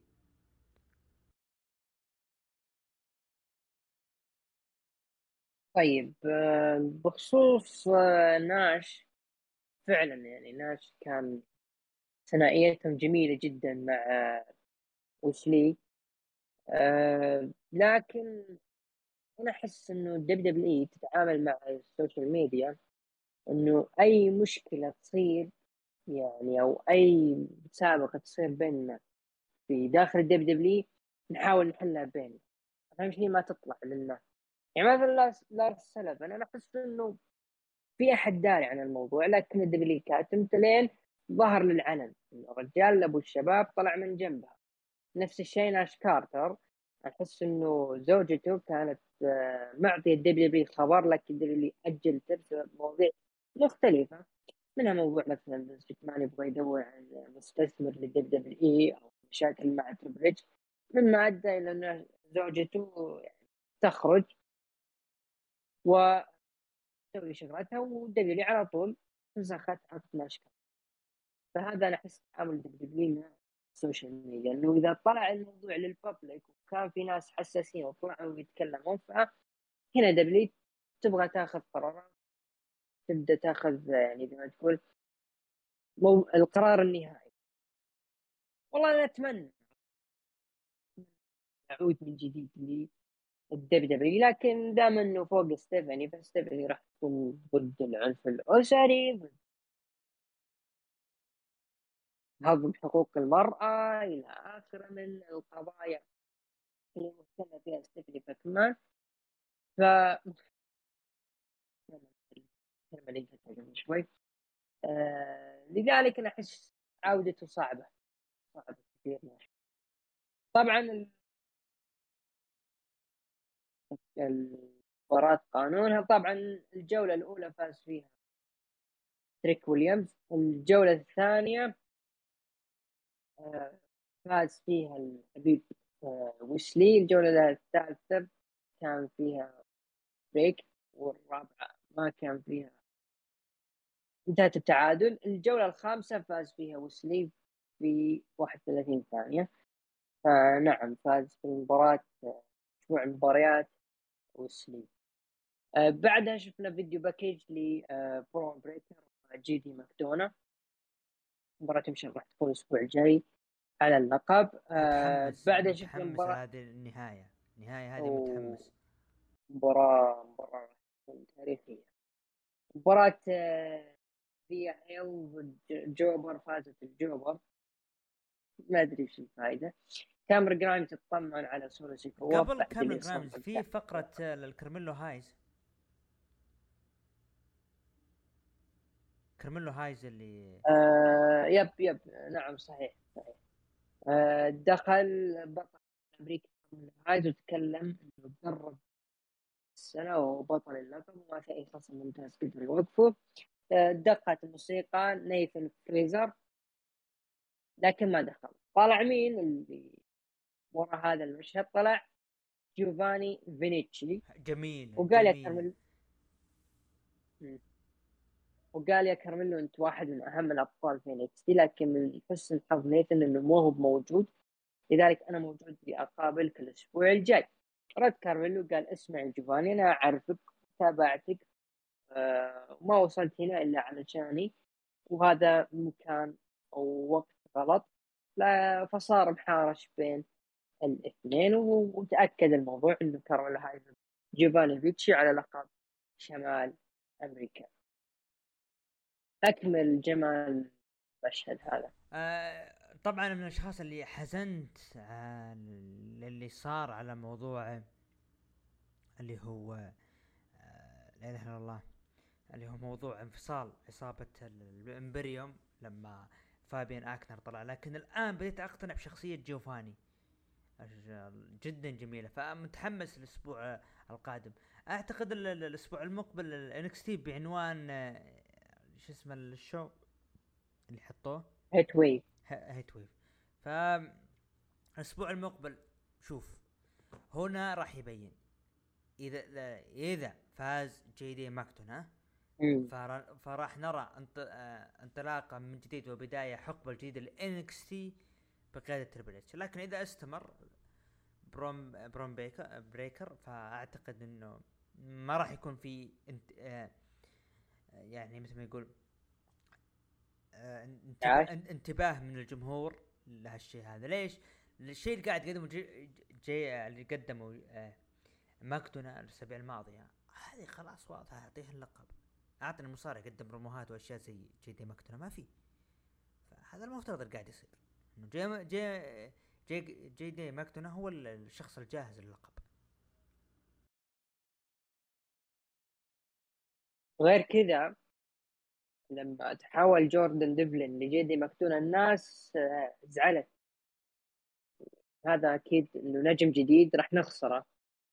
في NXT لكن الرجل ظهر عكس ذلك واجه كامرون جرايمز وفاز عليه لما صار ياخذ أدوات بجانب برون بريكر كبروموهات وكانت في صالحه بشكل كبير. فنتمنى نتمنى إنه جي دي ماكدونا يفوز.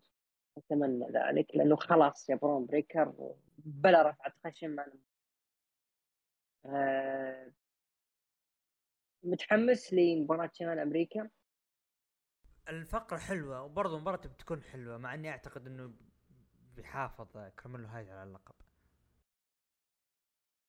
يستاهل ما في أي آه نقاش آه لاش ليجند استبعت مع ابليس انه في مالك بليد طبعا زي بنت قلق.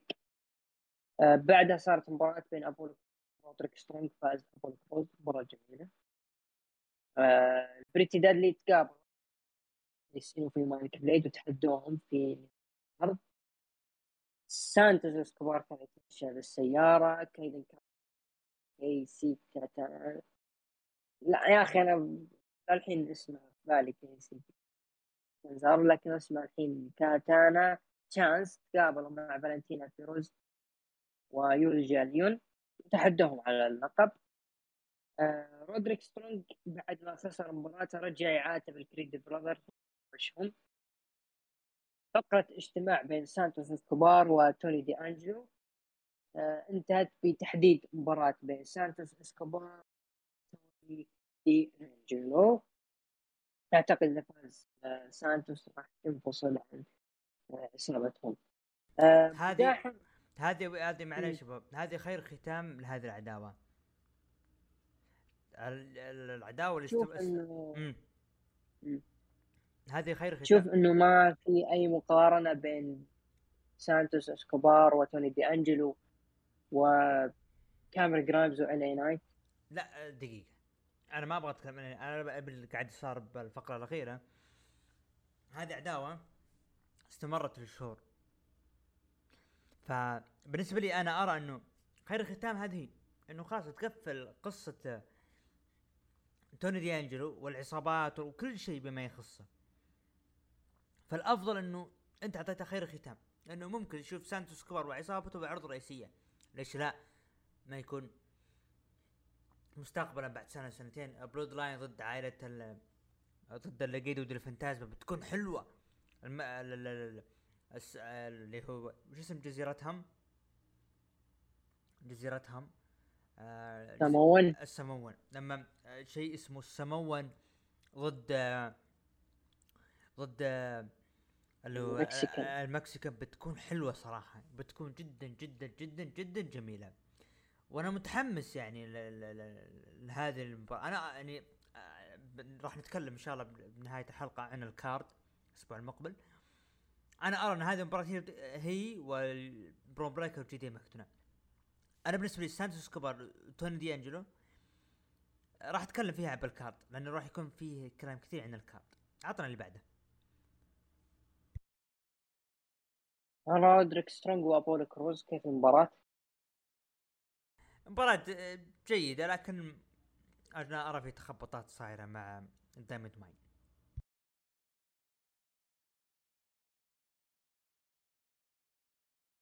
وعندي نقطة عندي نقطة آه، إضافة. آه خلف الكواليس شفنا زوي ستارك. تمام؟ آه زوي ستارك تكلمت مع اللي هي نيكيتا. لازم نشد حيلنا عشان مباراتنا بتصفيات القاب الفرق آه النسائية.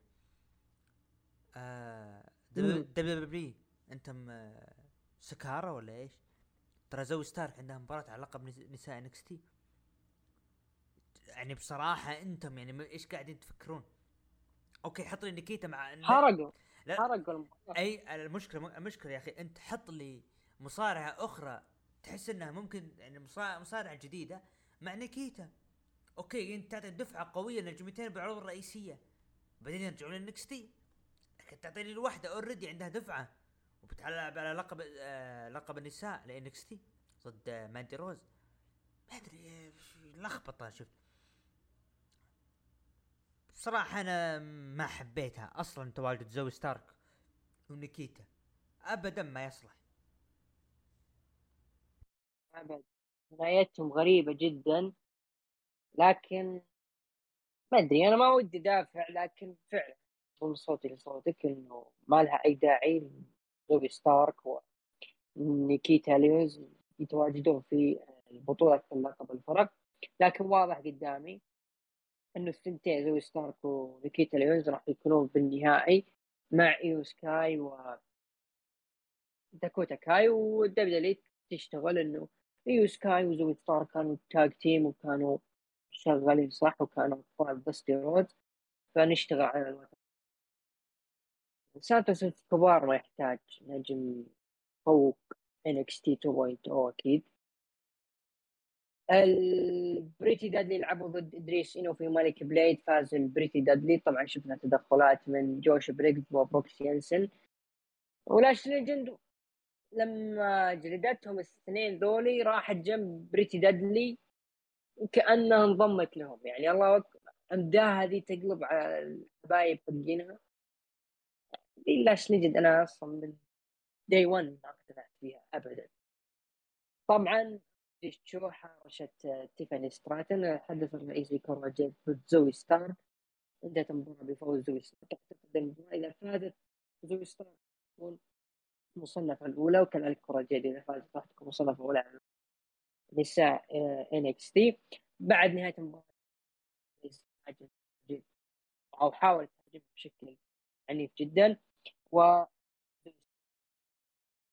finish حقها وانتهى. آه، رأيك؟ وتقييمي. آه شوف. آه بن آه بالنسبة لي آه أنا قاعد أشوف NXT يجب إنه يكون في تغيير قادم. إذا كنا نقول تريبل اتش بيرجع ويضبط الوضع فلازم يكون الآن. بريتي ديدلي آه ما أدري يعني ضد ضد انوفي وماليك آه يعني الآن خشوم آه خشوم أوكي أوكي خصوم لا لا لا لا, لا. يانسن وجوش بريدج آه وبريدج يعني مين القادمين؟ ليش لقب اليو كي صار للانكس تي؟ ليش بيكونون باليو كي؟ هذه نقطة، النقطة الثانية القابة فرق انكس تي مين الخصوم القادمين؟ ما أدري. ففي في ضياع بقسم الفرق أنا قاعد أشوفه. ويندي تشو قدمت فقرة حلوة مع تيفاني ستراتن بصراحة. البنت قاعدة قادرة تقدم شيء أو قاعدة تقدم شيء جدا جميل. بصراحة.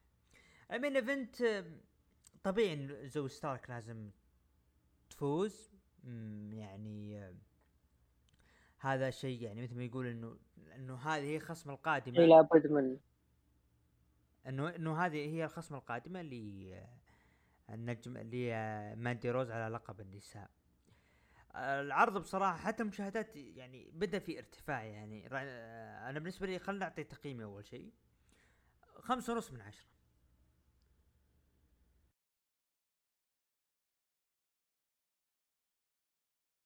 عطنا مشاهدات يا بواف قبل تقييم المتابعين. طبعا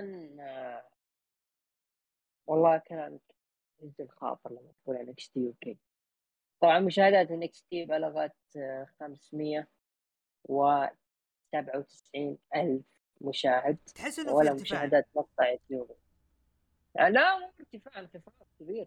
الأسبوع الماضي كان 650 آه أوكي أنا الأسبوع هذا الأسبوع هذا 597 آه محتوى NXT 2.2 أكيد ضايع كثير.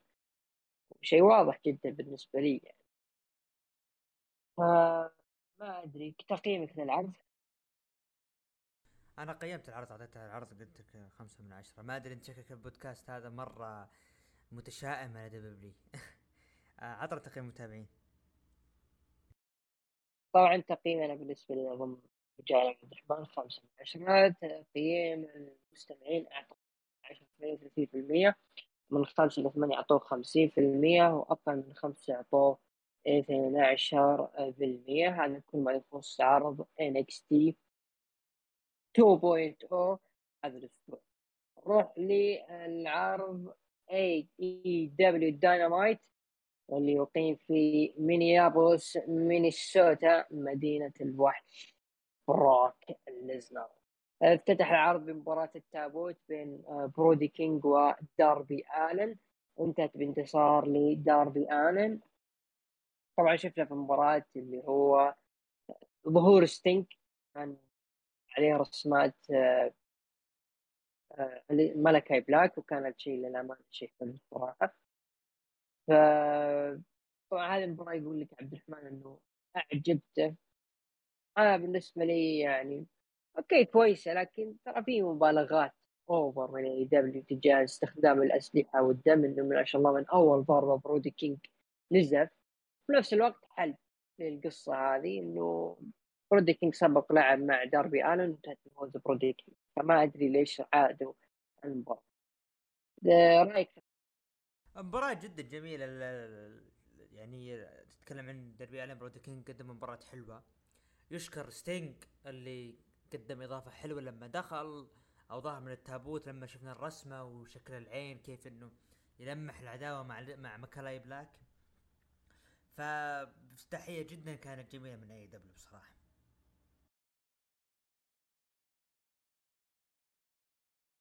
أحس إنه ممكن ملكاي وستينج يقدمون مباراة dark سينمائية بس تضبط على ستينج لأن ستينج ترى العام الماضي تكلم عنها إنه يبغى يسوي مباراة. هل تشوف إنه هذا الوقت المناسب؟ للاكاي؟ لاعب مباراة. وسواها صح. سواها. آه، أكيد أكيد بتكون مباراة حلوة. ترى ترى المباريات السينمائية حتى لو كان في أخطاء مثلا ب بالمباراة ترى حبيبي botch ات. آه، أو botch ات أو شيء ترى السينمائية تعدل لك الوضع. تقدر تعيد المباراة تقدر تعيد اللقطة تقدر تحذف اللقطة. فأكيد أكيد. لكن ستينج ترى قادر يقدم مباراة لحاله بدام خصمه آه، ملكاي بلاك. ما يحتاج مباراة سينمائية. لما تتكلم عن جولدبرغ وتيكر ممكن سينمائية. لكن ستينج ترى قادر يقدم لك مباراة ملكاي بلاك. live ما أدري. إن شاء الله. أنا أحس المباراة لو تكون سينمائية أو مثلا تكون مباراة ظلامية بشكل كامل بتكون حلوة. طبعا بعدها شفنا فيديو لجون موكسلي يهدد فيه كريس جيريكو الحدث الرئيسي وكذلك كريس جيريكو هدده بالمثل. طبعا أعلنوا عن لقب الفرق الثلاثية وأنا تفاجأت إنه الاندسبيوتد إليت ما هم متواجدين في البطولة. فما أدري ممكن عندك ممكن ممكن ينتهي هذه البطولة بتتويج اليانج باكس مع هاجمان أو مع كيني أوميجا والى آخره مهما كان. وبعد ما بعد التتويج يظهروا الاندسبيوتد إليت وهم يتحدونهم على الألقاب بتكون عداوة قوية يعني لشهور قادمه فهذا أتوقع بالنسبة لي. ما أدري أنا ما يعني على كذا أنت حركت حركت البطولة اللي أنت تبغى تسويها. بالنهاية بيفوزون اليانج باكس معهم هاجمان. أو إنه مثلا حطيت الاندسبيوتد إليت في البطولة وأنا أحس إنهم بيجون مكان الدارك أوردر إذا سحب عليهم هانجمان بيج فأتوقع كذا بيكون سيناريو twist إنه هانجمان بيج راح ينضم للبوكس و ويسحبون على الدارك أوردر مع إنه ترى صار في segment راح يجي بعد شوي. آه بعد شنو مباراة لوتشا بروز ضد أندرادي إل إيدولو وروش. روش أندرادي إل إيدولو وروش. خلف الكواليس هذا المشهد اللي قلته انه اليانج بوكس يفاوضون آدم بيج انه ينضم لهم كانوا موجودين في دارك اوردر لكن آدم بيج قال انه لا راح دارك اوردر وكان يناظر نظرات لليانج بوكس كان لمحات انه ممكن أنا انضم طبعا عبد الرحمن قال انه ممكن نشوف كيني اوميجا يرجع مع اليانج بوكس اللقب الثلاثي لكن أنا ما لا لا لا كيني اوميجا ما هو ما هو يعني وزنه وزن. لقب كلقب الفرق الثلاثيه لا. كيني أوميجا main event لقب عالمي. نشوف مستقبلا طبعا لوتشاسورس لعب مباراة ال jobber فيها لوتشاسورس. بعد نهاية مباراة كريستيان ظهر على الشاشة تكلم يا سكان مينيابوليس. أنتم انتظرتوا من أجل المتعة. والليلة اللي فيها جنجل بوي. طبعا أبو الشباب أو كان موجود في طاولة التعليق اول ما سمع اسمه على طول ركض لكريستيان وصار بين بين خلف الكواليس سيطر على الوضع لوتشا سورس يعني تلاحظ إن لوتشا سورس جالسين يشغلونه بيشغل وحش كذا بيجلد كل شيء لكن هو إلى الآن مرة مع كريستيان إلى الآن. مرة مع جنجل بوي. هو إلى الآن ما هجم على كريستيان وما أدري ليش مخلين إنه جنجل بوي مسكين ما يقدر يفك نفسه من الحراس الأمن رغم إنه ما سوى شيء بس أبعده. لكن عطى عطى الفيديو ال package العظيم اللي صار بعد هذا. أنا skip للي قبل. أبغى الفيديو ال package العظيم. اللي هو فيديو package جميل ويتكلم فيه عن ملكاي بلاك. نعم اللي قاعد ما يمشي عليه الآن ميرو هو الاتجاه الصحيح. آه آه يعني بروموهات زي كذا. آه إلى الآن أنا أرى كتابة الاي دبليو على ميرو جميلة جدا بصراحة. شوف إنه هذه العداوة هي التصنيف الأول على لقب الأتلانتيك وممكن يخسروا باك إنه ما له حس اللقب. برضو علامة استفهام الباك رغم إنه يقول في كلام أنا ما أدري إنه يدافع عنه خارج اي دبليو أو يت أو يلعب اتحادات أخرى. نظام يعني بيدان يعني؟ ما أدري ما أدري. أنا كأنه أو أو كنت واهم ما أدري والله. لا فعلا. باك كان يلعب مع الاتحادات الصغيرة بس ما أعتقد إنه يدافع عن اللقب لكن يدخل كحامل للقب يعني يروج الاي دبليو بدون ما ينافس على اللقب هذه يعني شيء شوي استفهام فعلا. يعني باك متى تخلص من أوروبا وترجع لامريكا علشان تعطي قيمة للقب طبعا مارك هنري جاب يسوي مقابلة مع باور هاوس هوبز لكن قاطعه كيوتي مارشال. آه، دخلوا جي ليثل وسينج ومارك ستيرلينج وتكلموا نيو ووردلو انت اخذت فرصة كبيرة وحصلت على اللقب لكن هذه الفرصة راح تنتهي مع وجود جي ليثل. دخل ووردلو قال أنت تبغى فرصة جي خلاص جيتك الفرصة. وكان هو ماشي على الحلبة دخلوا الاف تي ار وانسحب جي ليثل وصار في كذا touch بينهم وبين الاف تي ار دخول الاف تي ار في صورة جي ليثل مارك ستيرلينج وسينج شوف كان له داعي يعني إنه اي دبليو هم ما هم مركزين على فئة الفرق في الاف تي ار رغم إنه كان في قبل الأسبوع الماضي في كيث لي و سويرف ستريكلاند مع الاثنين اللي هاجموهم يعني ما أعطوهم أي اعتبار ار فأنتم إيش رأيكم؟ دخلوا بشكل جانبي مع وورد لو جي سكيب سكيب سكيب في في تضخيم بالفقرة هذه. واضح السكيب إنك زعلان. يا انت زعلان على روبي دبليو. تشغل لك شيء زعلان على الدبليو دبليو. طيب. مباراة ريكي ستارك ضد واحد اسمه آرون. سولو فاز ريكي ستارك آه صديق ريكي ستارك السابق. هذا يدل إنه ريكي ستارك خلاص دخل مرحلة الفيس الآن والمحبوب وخير مثال لما الجمهور اعطاه بوب. ما شاء الله آه، بيلي جان كان ينفس على عياله ويهاوشهم دخل عليهم تك هايث واي وقال لهم هذا كرتي لفرص أفضل ومباريات أحسن لكن بيلي أخذ الكرت وقال إن شفتك على عيالي مرة طيب. ورمى الكرت وجالس يتكلم عياله ف ما أدري أنت إيش رأيك في أسلوب تك هاي؟ جالس يروج نفسه بهذه الطريقة. كأنه يعني واحد حلوة. جالس الفقرة اللي خلف الكواليس حلوة. لازم لازم لما يكون عندك عرض أسبوعي آه مو لازم كل شيء مصارعه لازم يكون في شيء ترفيهي خفيف ترفيهي مقنع مو غير مقنع. ترفيهي مقنع مثل قاعد يصير الآن. جدا جميله الفقرة. نروح اللي بعدهم.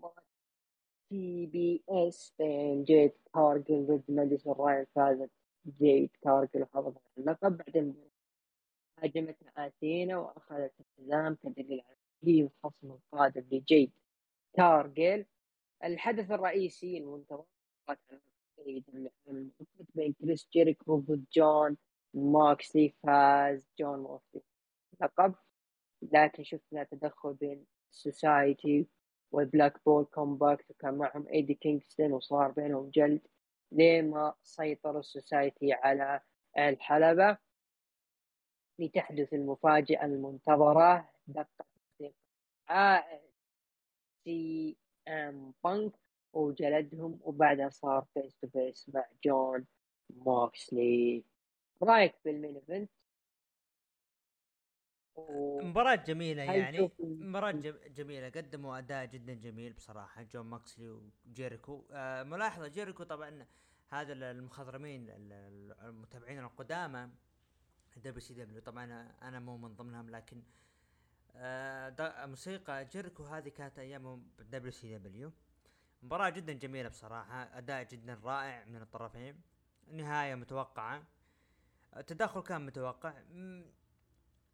عودة بانك كان في أخبار إنه قبل العرض إنه راح يعود يعود يعود وفعلا عاد.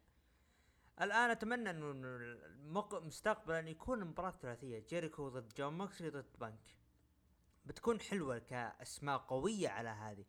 وممكن بتكون أول مباراة يعني خلينا نقول مو أول مباراة أقوى مباراة على لقب عالم في تاريخ اي دبليو حتى الآن هذه المباراة بثلاث أسماء هذه. بتكون حلوة.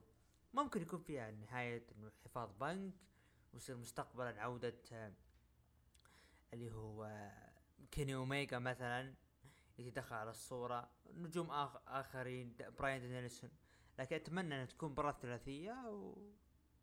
ويتم فيها تقديم المصارعين على أكمل وجه إنها مباراة بالنسبة لي راح تكون حلوة. وحرام جون موكسلي إنه تنتهي فترته ممكن الادمي الفترة الآن أفضل من الفترة الماضية. الادمي عنده شغف الحماس.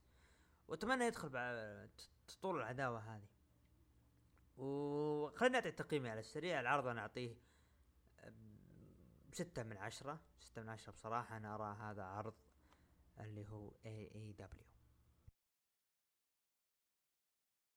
هذا مو توقع ولكنه حرق للاحداث آه. جون موكسلي إيش عندك؟ ذكرت يلعب مع ذكرتني مع سي إم بانك. ذكرتني بواحد من الشباب. إيه. أيوه. راح يلعب مع سي إم بانك في All Out وراح يفوز بانك وبيستعيد لقبه اللي هو أصلا ما خسر. هو أصلا يقولون إنه بطل اي دبليو هذاك جون موكسلي بطل مؤقت. طيب نفس العرض. راح يظهر كيني اوميجا face to face مع بانك وراح يبنون عداوة إلى الفول تكون هي مباراة كبيرة منتظره بين النجمين. بس هذا اللي يصير في آه، مستقبل العروض هذه من الآخر وجون موكسلي من الآخر هذه من الآخر. لأنه لأنه اي دبليو بالنسبة لي ما اعطوا قيمة كبيرة لجون موكسلي صحيح إنه جالس يقدم آه، بروموهات كبيرة جالس يقدم آه، مباريات حلوة. مع الخصوم اللي عندهم وطلعهم بشكل قوي لكن اي دبليو ما هي تعتبر جون موكسلي بطل. تعتبر بانك هو بطلها وكذلك كيني اوميجا لذلك تشوف إنه في ناس ما هي متحمسة وما يحب أسلوب جون موكسلي إنهم يعاملونه كبطل مؤقت لأنه هذا تدمير لنفسيه جون موكسلي كأنه ما هم محترمين النجم. طيب نروح لتقييم المستمعين. اعطوه من 9 ل 10 22% ومن 5 ل 8 67% وأقل من 5 اعطوه 11% داينامايت هذا الأسبوع اضم صوتي لعبد الرحمن 6 من 10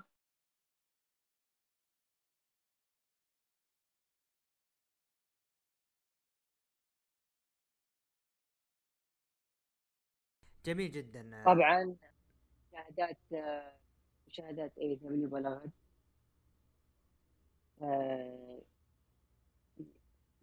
تسعمية واثنين وسبعين ألف مشاهد. هذا كل ما يخص عرض داينامايت الأسبوع. عرض الأسبوع آه، أخذ سماك داون 44% عرض رو أخذ 25% عرض ان اكس تي أخذ 13% عرض داينامايت أخذ 18% عرض الأسبوع بالنسبة لك أبو داحم. أنا SmackDown يعني أول مرة من زمان أقول عرض الأسبوع. يستاهل. SmackDown أو Raw. بعدين أنا أشوف Raw كان أفضل. ولولا تدخل ديكستر. ما كان داعي. آه، ختاما يا أبو داحم. ما قبل الختام خلينا في في مشاركتين موجودة بالهاشتاج. المشاركة الأولى من زميلنا وحبيبنا ياسين. سؤال سؤال ما مغزى عودة كاريون كروس الآن؟ وهل الأمر أصح أنه يدخل على صورة اللقب بسرعة؟ طبعا تكلم فيه أبو عوف. أبو عوف ما هو راضي باللي قاعد يصير آه، بما يخص كاريون كروس. وفيها لا لا لا مين قال إني ماني براضي؟ أنت ما أنت راضي. ديكستر لوميس زعلان عليه وهذا زعلان عليه. من بقى؟ لا لا لا ابدا. قلت إنه كاريون كروس راح يدخل على اللقب علشان يحمي درو ماكنتاير. okay. مشاركة أخرى من محمد قال عرض جميل وفي وفي تحسن ومتحمس للعروض بصفة عامة. طبعا كان يقصد اللي هو أعتقد عرض ال Raw إي نعم كان يقصد عرض ال Raw. ندخل الآن لل card ال NXT الأسبوع المقبل بعنوان NXT Heatwave المباراة الأولى. على لقب أو آه هذه طبعا ما هي بالترتيب لكن المباراة الأولى آه برون بريكر حامل اللقب NXT ضد جي دي ماكدونا على لقب NXT أبو عوف توقعاتك مين؟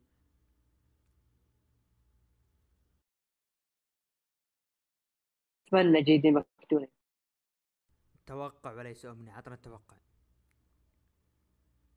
يا رب جي دي ماكدونا آه أنا أتوقع جي, جي دي ماكدونا المباراة الثانية ماندي روز ضد زوي ستارك على لقب NXT النسائي حاملة اللقب آه ماندي روز. مين تتوقع البطلة؟ ماندي روز. أتوقع أتوقع إنه استمرار ماندي روز. آه روكسان بيريز ضد كورا جيد. مين تتوقع؟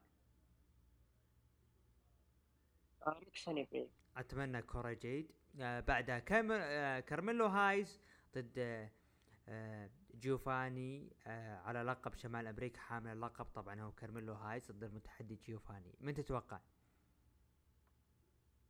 استمرار أتفق معك أنا استمرار. وأخيرا سانتوس إسكوبار آه ضد توني دي أنجلو. مباراة قتال شوارع.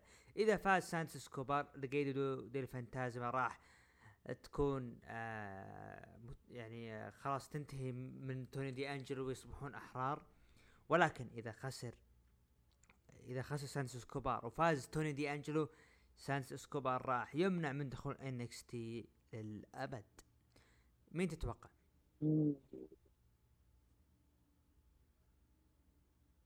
نقول شرط المباراة والله مو سهل ابدا.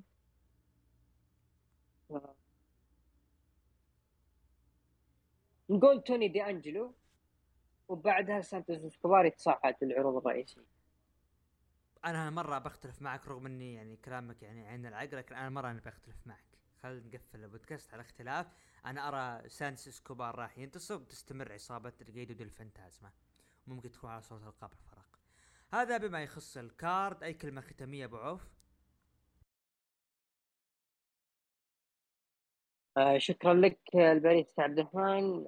شكرا محمد علي. شكرا أخواننا المستمعين. على حسن الاستماع للنصات اتمنى نكون وفقنا في تقديم البودكاست. اعذرونا أي تقصير. الأسبوع القادم في حلقة جديدة. شكرا لك أبو عوف شكرا لكل من استمع الحلقة هذه والحلقات السابقة. ونصل إلى الختام. لا تنسوا متابعتنا في اليوتيوب باسم ركن الحلبة. إن شاء الله راح تكون الأسابيع المقبلة في مقاطع جديدة وجديدة. شكرا للمخرج دحيم العلي. نراكم بإذن الله الأسبوع المقبل في الحلقة رقم 128 إلى اللقاء.